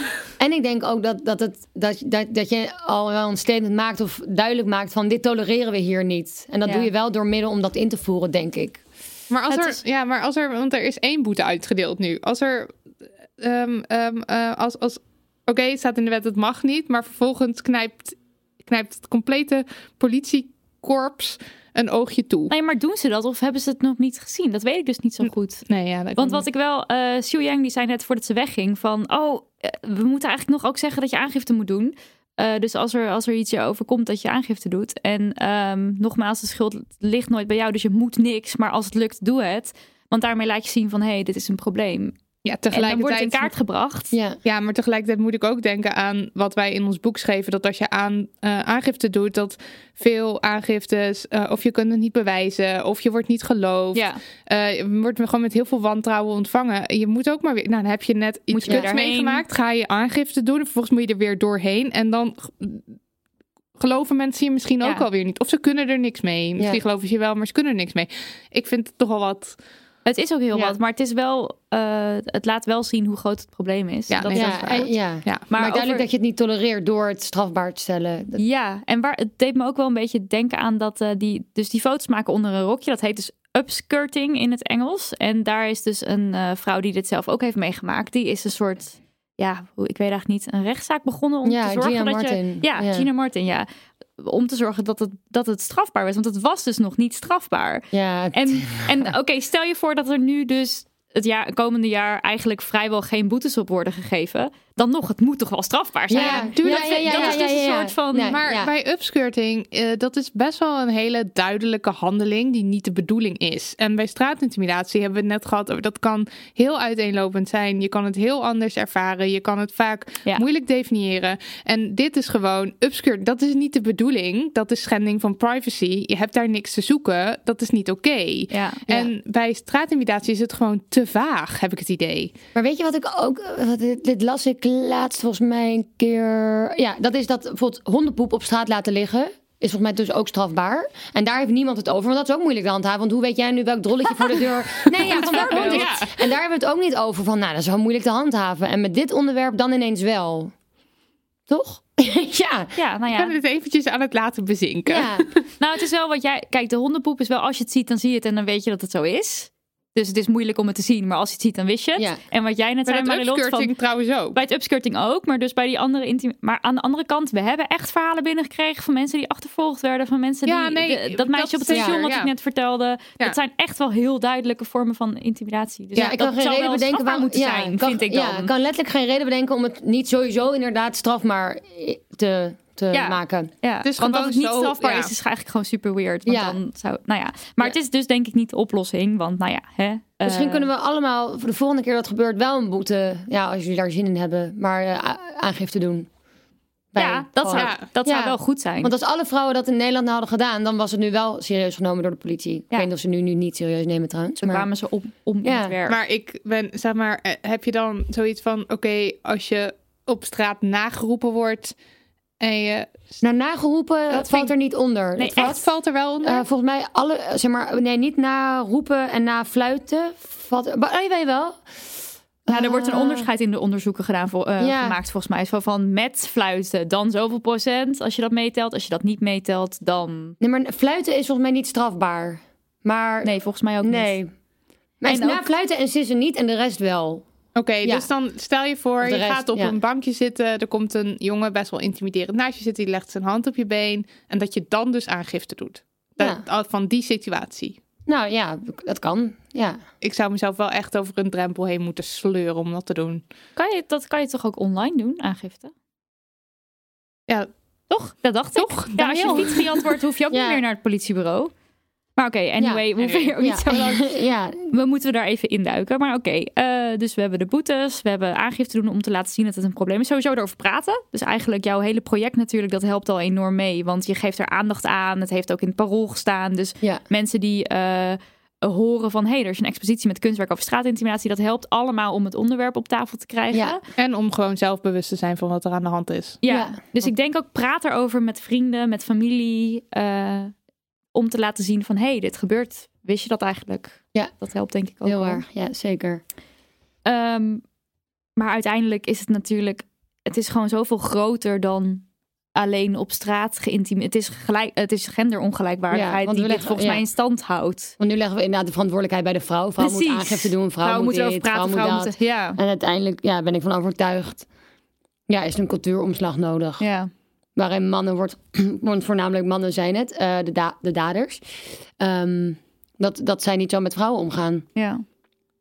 Dat toch? Dat, ja, leer je zoon eh blijf van vrouwen af in plaats van leer je dochter geen, Ja, zo- geen los haar ja. op de fiets of whatever mensen Ja, dan zeggen. en inderdaad af van het idee van dat mannen nou eenmaal lopende of wandelende testosteronbommen zijn. Die Ja. nou eenmaal rovers zijn. En die van maar van alles over vrouwen mogen kunnen zeggen wanneer ze willen. Ja. Ja. een vrouw is gewoon niet een prooi. Nee. Dus Ja, we hadden het er net ook even over van dat wij dus allebei of allemaal niet kunnen voorstellen dat je dus gewoon iemand op straat voorbij ziet fietsen en dat je dan denkt, hé, hey, ik roep slet. Dat- hoe Ja. kom je erbij om dat te doen? Hoe heb je de nerve om het te doen ook, toch? Ik bedoel, ik zou net niet wat, durven. ja, net wat eh Xiu Yang vertelde, dat iemand dan Chino naar haar roept. Maar hoe kom Waar je komt erbij? het vandaan? Ja. Ja, en ook dat mannen, het is een. Wanneer heeft ooit een vrouw gezegd als een man eh, naar iemand riep van eh, mag je kutje zien of mag je neuken? Of En dat je zegt, ja, tuurlijk. Ja, wow, wow, dat is echt een fucking goed idee. Ja, wil je nu, maar- weet je, wel, alsof dat ooit, nou, ik ben verbaasd als dat ooit is. Ja, maar het is ook- daar gaat het helemaal dus niet om. Nee, het is een intimi- machtsspel. Ja, het is een machtsspel, het is in- intimidatie. Ja. Want ja, dat is, lijkt me oprecht niet een oprecht flirtverzoek, toch? Nee. Best wel raar. Nou, ik kan om- me niet ja. voorstellen. Ja. Nee. Volgende keer vraag, is dit een oprecht flirt? Oprecht, Wilt wil u oprecht mijn kutje zien? Ja, ja. Wow. Ja. ja, nee. We blijven beleefd. Ah, Ja. heel, ja, u inderdaad, ja. Oh ja, ja. Eh, Oh ja, wow, heel grappig. Sorry, ik Ja. hoort erin. En er, eh, Toms heeft eh, heel vet, die heeft niet alleen jou deze middelen gegeven om eh, de campagne te lanceren en om alles helemaal in te richten, maar ze hebben ook een eh, schenking, zeg ik dat zo? Donatie? Een donatie, Een donatie gedaan. aan een eh, project, Project Fearless. Ehm, en dat is misschien ook nog wel even leuk om wat over te vertellen. Ja, en eh, volgens mij Project Fearless, dat is een eh, project wat in Amsterdam is opgestart. Nog niet zo lang geleden. In februari 2020 beginnen ze met nieuwe programma's. En Project Fearless werkt met meiden rond de 19 tot 14 jaar. 9 tot 14. Zei ik 19? Ja. Ja. 9 tot 14 9 jaar. tot 14, ja. En de programma's van Project Fearless zijn erop gericht om de interesses en de activiteiten en de passies en de vaardigheden van meiden eh, toe te spitsen op hun toekomst. En eh, wat ze zelf zeggen is, we geven ze de middelen en het zelfvertrouwen te ontdekken wie ze zijn en wat ze willen doen met hun leven. Dus dat is, ja, meiden, meiden jonge meiden de tools geven om de toekomst in te Om de gaan. wereld Ja. te veroveren. Ja, ze doen ook zeker. skateboard, skateboardlessen, geloof Ja. ik. En allemaal coole... Ja, te- laten zien dat je alles kan worden ook als vrouw. Dat je ook, in de zin dat je ook ehm eh, brandweervrouw kan Ja. worden of zo. Heel vet. Ja, Ja. dat is echt En je hebt ook zo'n onderzoek hè, dat ze dan hebben aangetoond, dat heeft Harvard heeft geloof ik dat onderzoek gedaan, dat meisjes vanaf hun zevende al snappen van oké, je hebt dus jongens en je hebt dus meisjes en meisjes zijn minder waard. Dus het is vet belangrijk om meisjes dus wel die, eh, ja, die, die kracht of die, Ja. die handvaten noemen ze het dan de- te geven om dus volledig zichzelf te vertrou- op zichzelf te vertrouwen en zelf Ja. te weten wat ze willen en te kunnen doen wat ze willen. Dus Ja, echt super vet dat dit eh, gedaan wordt. Ja, dus het zelfvertrouwen wat jongetjes eigenlijk gewoon Ja, wat ze automatisch meekrijgen. Ja. ook aan de meisjes Ook aan meegeven. meisjes meegeven, ja. En Heel ze gaan goed. geloof ik in 2020 weer van start met een nieuwe, eh, nieuwe lessen, nieuwe cursussen voor een groep meiden. Eh, en daar kan je voor doneren op projectfearless.org. .org. Ja, dus dat is wel echt heel erg eh, tof. En ook, Ja. ik geloof, een deel van de kunstwerken is ook verkocht, hè? En die opbrengst die ging dan ook weer naar Project Ja. Fearless. Ja. Er werden tijdens het event eh, sowieso prints verkocht. Oh ja. Ehm, en eh 100% van de opbrengst ging daarvan naar Project Fearless. Ja. En ook van de kunstwerken zelf mochten de kunstenaars zelf beslissen of ze een deel wilden doneren. En ehm, ja, dat is gewoon te gek dat Supervet, dat zo ja. is gebeurd. En Sieu's werk is ook verkocht. Dat is, ik kan het Ja. nu niet zelf meer Aan vertellen. mijn beste maar vriend. hoe fucking cool. ja, Ja. ja. We gaan het sowieso nog even op Instagram zetten. Zodat jullie allemaal kunnen bekijken welke Ja. vette werken er Ja. allemaal gemaakt zijn. Eh, ja, Op naar een straat-intimidatieloos leven. Ja, prachtig. top. Let's go.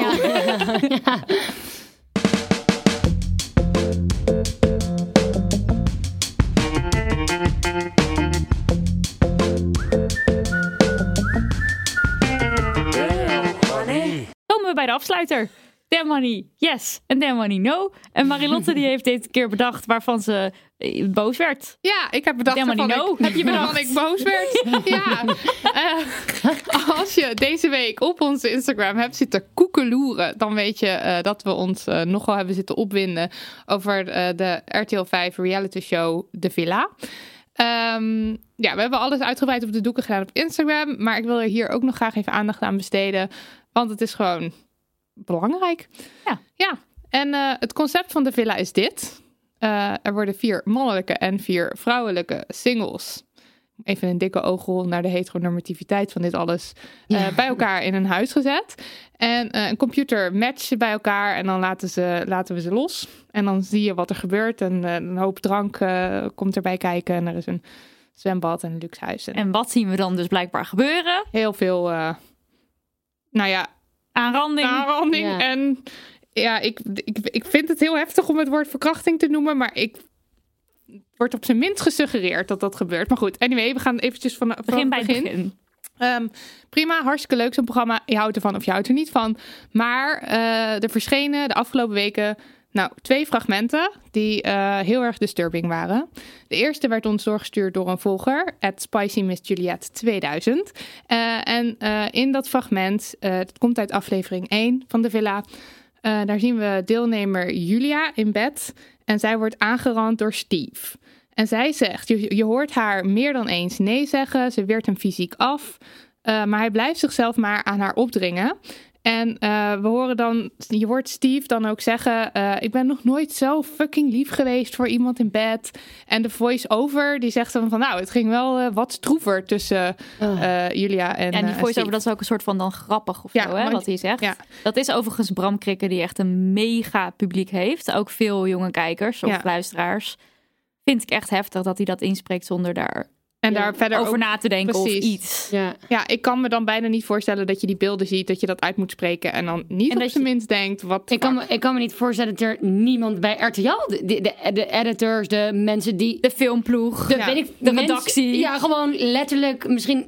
Nee, dat er niet één iemand, of misschien is dat wel Precies. zo, maar heeft gezegd van dit Ja. kunnen we echt niet uitzenden. Of, of Bram, of oh, iemand, ja. Ja, Je iemand. ziet, je ziet daar dus iemand in bed liggen en die zegt nee en die weert iemand af. En dan zegt de jongen, nou, eh, oh, die, eh, eh, Steve die noemt daar dan ook nog een drama queen en een stumper. Ja. En dan is het van andere meisjes willen wel knuffelen. Volgens mij zei hij zo nog iets. En Ja. dat is gewoon, het is seksueel eh, eh, ongewenst gedrag wat je hier ziet. En dit is dus blijkbaar iets wat oké is. Nou, daar bonden wij ons al heel erg. Ja, het is het normaliseren ervan. Ja, precies. Ja. Je ziet, En- ja. ze doen alsof dit normaal gedrag is. En ik zag ook reacties die zeiden van, ja, dit is dus dat grijze gebied. Dat ik dacht, grijs gebied, dit is helemaal geen grijs gebied. Maar ja, Dit weet is- je, dat hebben wij ook gezegd. Nee, maar dat heb vind ik er- geen grijs Nee, gebied. Nee, het is het ook Maar niet. wacht, laten we het uitleggen, want meerdere mensen die zeiden dit. Maar ik noem het een grijs gebied, omdat het, dit is iets wat heel veel vrouwen overkomt. Maar heel veel vrouwen zullen zeggen aanranding, maar dat was geen aanranding. Dat is een Dus groot ik bedoel, woord. ja precies. Ik bedoel Ja. eerder een grijs gebied als in, als je de beelden ziet, dan zie je, vet, dan zie je precies wat er gebeurt. En dan noem je het aanranding.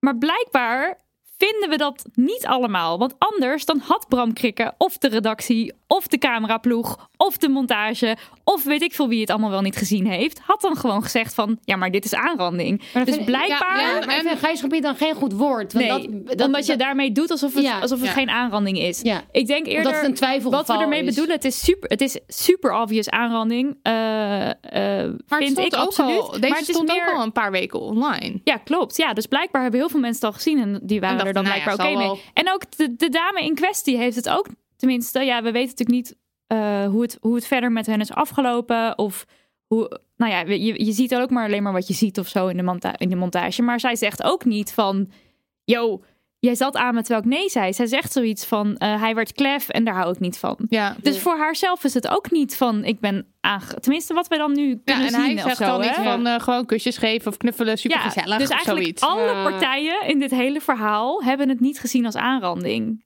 Daarom noem ik het een grijs gebied. Ja, oké, om die reden. Ja. Maar, Terwijl om- het heel duidelijk Ja, niet oké is. duidelijk. Ja. maar toen kwam fragment 2. Want wij hadden trouwens, wij We hadden heel erg over het hierover op. En wij hebben een mail gestuurd naar RTL.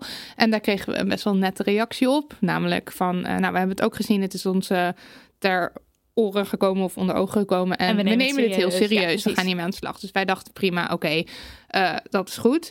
Maar toen verscheen opeens een week later fragment 2. En in fragment 2, dit was via Tim Hofman.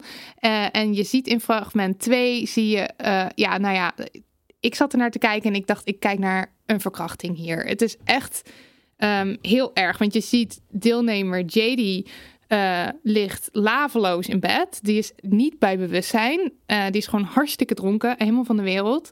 En uh, haar match, José, is zoals hij zelf noemt, bloedje geil. Op een goede manier. Niet op een rare manier. Dat, is, dat zijn zijn woorden. Um, en, en die kleine en hij klimt bovenop haar. En je, ik, ik, kan het niet anders dan een verkrachting noemen. Ik weet ah ja, niet of er kijk, penetratie was. Dat, dat is weet het. Ik niet. Kijk, als je dus echt heel hard verkrachting, dat zeggen ja. we bij penetratie. Ja. Dat kunnen we niet zien. En dus kan je ook nu niet zeggen het is verkrachting. Maar Zo dat, werkt het niet. Maar dat het seksueel ongewenst gedrag is, dat, dat was heel duidelijk. Ontkennen. Um, ja, en dan vervolgens hoor je dus weer de jolige voice-over van, uh, van Bram. Van Bram Krikke, die dan zegt van... Uh, ja, José heeft uh, zoveel blauwtjes gelopen. nu, nu wil hij het nog één keer proberen. En, en dan is het ting, ting, ting, ting, ting. Vrolijk muziekje eronder. En het is echt misselijkmakend. Ja, het is echt vreselijk. Ja. ja, wat erg. Nou, wij hebben daar behoorlijk wat stories over gemaakt. En weer een mail gestuurd naar RTL natuurlijk. Um, we kregen ook een vrij een mail terug waaruit bleek dat ze er zelf ook van geschrokken waren, volgens mij. En uiteindelijk kregen we uh, bericht. Ik zal de mail even voorlezen. Ja, graag. Um, met de woordvoering van RTL. RTL heeft besloten per direct de uitzending van de villa te staken. Seksueel over, grensoverschrijdend gedrag is onacceptabel en mag nooit worden gepromoot, niet voor en niet achter de schermen. Dat er tot twee keer toe scènes worden uitgezonden die iets anders suggereren, kunnen we niet tolereren en we bieden hiervoor onze excuses aan. Er wordt een grondig onderzoek gestart met de desbetreffende inhoudelijk verantwoordelijke bij de zender en bij producent Blue Circle om te achterhalen hoe dit fout heeft kunnen gaan. En vooral hoe we dit in de toekomst kunnen voorkomen.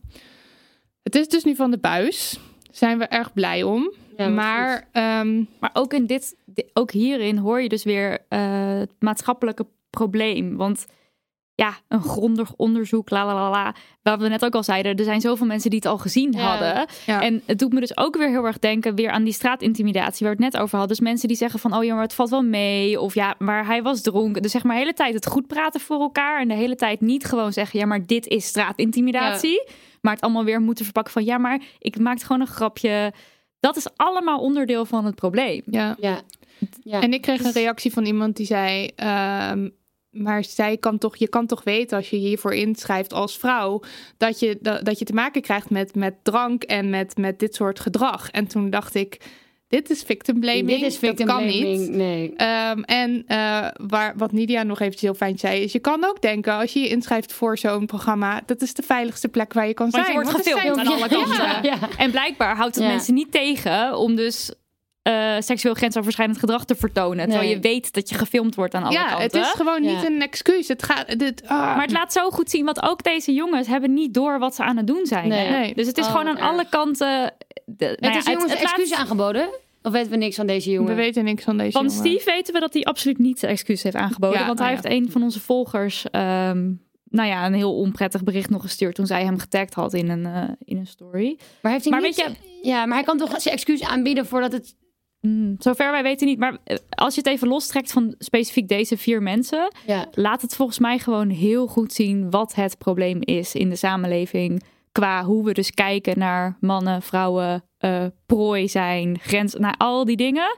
Die worden nu gewoon getoond op televisie. Ja, dat, dat, dat is heel En ergens eigenlijk. zou je kunnen zeggen van... ja, kijk nou eens wat er gebeurt... en kijk nou eens hoe we hier met z'n allen op reageren. Hoezo is er niet overal nu ophef? Ik bedoel, het is van de buis gehaald, maar oké, weet je... Maar het wordt ook het was echt Tim alleen maar... Ja. bij en een paar van onze volgers... maar het, waren, het was niet dat dus echt heel veel grote namen zijn van... wat de fuck, uh, ja, talkshows... Ja. Gewoon complete chaos. Dat is wat, je had, dat, wat er had moeten gebeuren in mijn ogen. Ja, maar en misschien nee, maar, komt het nog, maar, maar sorry, ik heb het nog niet zien gebeuren. Ik vind het ook erg dat er ophef moet komen voordat het van de buis ja, wordt. Dat het, want ja. dat het überhaupt de, de, televisie heeft gehaald. Ik zeg het het buis, een heel vervelend buis. Uh, dat het überhaupt ja. op televisie kwam, vind ik gewoon heel... Dat gewoon niemand heeft gedacht, hey, dit ziet er wel heel erg uit als... Uh, dat niet verkrachting. verkrachting. Ja. Uh, uh, de, laten we dit in godsnaam niet op nationale televisie uitzenden. Nou, ik, ben in, ik heb echt, nou, ik heb allemaal gevoelens gehad. Ja. uh, het is redelijk gezakt nu. Ik ben blij dat het niet meer te zien is. Um, ja, en heel ja. snel weg met mensen die zeggen dat het, dat het je eigen schuld is omdat je aan zo'n programma meedoet. Ja, en RTL mag zich echt doodschamen. Echt, ja. Ja. Nidia en Demony, yes please. Oké, ik zou willen zeggen iets luchtigs, maar het is niet heel luchtig per se, maar het is wel cool. Mijn dem- Demony Yes is namelijk de rechtszaak die bureau Clara Wigman en de Goede Zaak beginnen om te zorgen dat anticonceptie hopelijk voor iedereen kosteloos wordt. Yes, ze gaan Ja. gewoon een rechtszaak beginnen Tegen de staat. tegen de fucking staat om te zorgen dat iedereen eh, gratis anticonceptie kan krijgen. Let's sue the En- bastards. Ja, precies. Bureau Klare Wigman die voert dan meer dan 30 jaar strategische rechtszaken om de rechtspositie van vrouwen te verbeteren. Dus dat doen ze, dat doen ze al vet lang. En ehm, deze strijd voor gratis eh, anticonceptie. Die is eigenlijk al een keer gestreden. Dus voor de mensen die dat niet weten, begin jaren 70 is er met de slogan Moeders wil is wet, met de pil naar bed, door de Dolomina's gestreden voor anticonceptie in het basispakket. Dat is ook gelukt. Maar in 2011 heeft toen iemand bedacht van, nou weet je, eh, die pil die is niet medisch noodzakelijk en dus gooien we hem weer uit het basispakket. En nu zijn het dus vooral vrouwen die opdraaien voor de kosten. Want van alle mensen die anticonceptie gebruiken, schijnt 4% man te zijn en 96% vrouw. Eventjes over dat woord vrouw. Eh, bureau Clara Wigman heeft het specifiek over vrouwen en bijvoorbeeld niet over mensen met een baarmoeder, omdat het de juridische categorie is waar, we, eh, waar zij deze rechtszaak dan in eh, moeten, moeten voeren. Dus het gaat over ongelijke behandelingen. Dan moet je het blijkbaar hebben over mannen en vrouwen. Dus ze conformeren zich hiermee aan die juridische vorm. Dus even een soort van technisch dingetje daarachter. Ehm, maar ja, super vet dat er dus nu gewoon een partij is of twee partijen zijn die zeggen wij gaan dit doen. We gaan die strijd aan met de staat. En we kunnen dus zelf ook allemaal eh, meedoen. Want je kan dus mede-eiser worden. Eh Marilotte en ik zijn mede-eiser. Ik ook. Oh, ook. Nee, tuurlijk. ook, onze producer. Iedereen mede-eiser. Super cool. Ehm, ja, geen idee waar het uiteindelijk toe gaat leiden. Maar de bureau Clara Wigman mensen, dat zijn echt wel... Ja. Het is echt een Echt superhelden squad. badass. is Ja, dat. dus, dus ja, we zijn heel benieuwd wat er gaat komen. En, die- en die man, En- die heeft gezegd in 2011, volgens mij, Ja. dat, dat, dat de pil alweer uit het pakket kwam. Zei ook van, eh, als ik het goed zeg, ehm, ja, want nu kunnen vrouwen het gewoon wel zelf, vrouwen k- verdienen wel zelf kunnen betalen. het wel zelf betalen. Ja. Dat, eh, Ja, terwijl dit zegt bureau Clara Wigman ook. Dus door die eh, toegang tot anticonceptie kunnen eh, mensen met een baarmoeder volwaardig meedraaien in de samenleving. Dus ze kunnen onderwijs eh, volgen, arbeid en fin- financiële zelfstandigheid. Het komt allemaal door anticonceptie, mede daardoor. Dus het gaat de hele samenleving aan. En het is ook ehm, eh, economisch en maatschappelijk is er heel veel gewin voor de samenleving. En daar staan Ja. die kosten, die, hebben daar, die zijn er eigenlijk helemaal niet, dat weegt makkelijk tegen elkaar op. En los van of je het wel of niet kan betalen, het gaat dus ook weer gewoon om gendergelijkwaardigheid. Ja, van zeker. iedereen, het is gewoon iets voor iedereen en daar zouden we met z'n allen van mo- moeten profiteren. En vrijwel iedereen heeft een keer profijt gehad van het bestaan van anticonceptie. We moeten al, Ja. heel veel vrouwen die dragen al die hormonale eh, last. Dus come on. Ja, en de Ja. hele maatschappij is er toch gewoon bij gebaat Ja. dat er geen kinderen worden geboren. zwangerschappen zijn ja, gewoon nooit een goed idee voor Nee, niemand. En ik, nou ja. Dus dat is gewoon heel cool. Eh, je kan je aanmelden op eenzaakvooriedereen.nl als je ook mede-eiser wil worden. Hell yes. Hell yes. Yes. Dat was hem alweer. Class dismissed. Dank voor het luisteren. Be free, lieve honingbabbelaars. En leef jullie leven. Milou, Siu Yang. Ja, je bent al weg, maar toch, ik ga je hier, misschien als je luistert, bedankt. bedankt dat jullie je hard maken voor de goede zaak. Eh, en dat jullie erover wilden komen vertellen. Thanks. Ja, dankjewel. Ik vond het heel leuk om eindelijk te gast te zijn. Ja, Ja, Oh, dat, zat ik dacht eerst al even, wanneer ik nou een keer uitgenodigd? ja, zie je. Ja. Daar is ze Toen dan. dacht ik, jeetje, je moest bij aflevering... Nee, denk ik. Ah. Heel leuk. En veel dank aan Toms. Dankzij hen konden we deze aflevering over straatintimidatie maken. Ga naar projectfearless.org om een donatie te doen. We kunnen altijd een steuntje in de rug gebruiken voor het nieuwe programma dat van start gaat in februari 2020. En natuurlijk onze grote dank aan onze privékok. Aan onze afwasser. aan onze muze. eh, en ook onze producerman Daniel van de Poppen. Hij heeft net heerlijke vegan curry voor ons gemaakt bijvoorbeeld. Dat was geweldig. Eh, en jingle componist Lucas de Gier. Bedankt Poekie. Lieve luisteraars, bedankt voor al jullie verhalen en vragen. We waarderen het enorm dat jullie alles zo open, eh, altijd alles zo open en eerlijk met ons delen. Stuur vooral meer post via onze Insta het boek of stuur een mail naar info@damnhoney.nl. Laat een recensie achter. Any recensie op iTunes over onze podcast. Of op bol.com over ons boek Heb je nou al een vriend? Kom maar door. Of laat het allemaal zitten, mag ook, zelf weten. Tot over twee weken. Adios. Dag. Nog even over die grootse en epische muziektheatervoorstelling. Het achtste leven voor Brilka is een marathonvoorstelling van 5 uur. Koop je tickets voor deze bijzondere theateravond via oostpol.nl.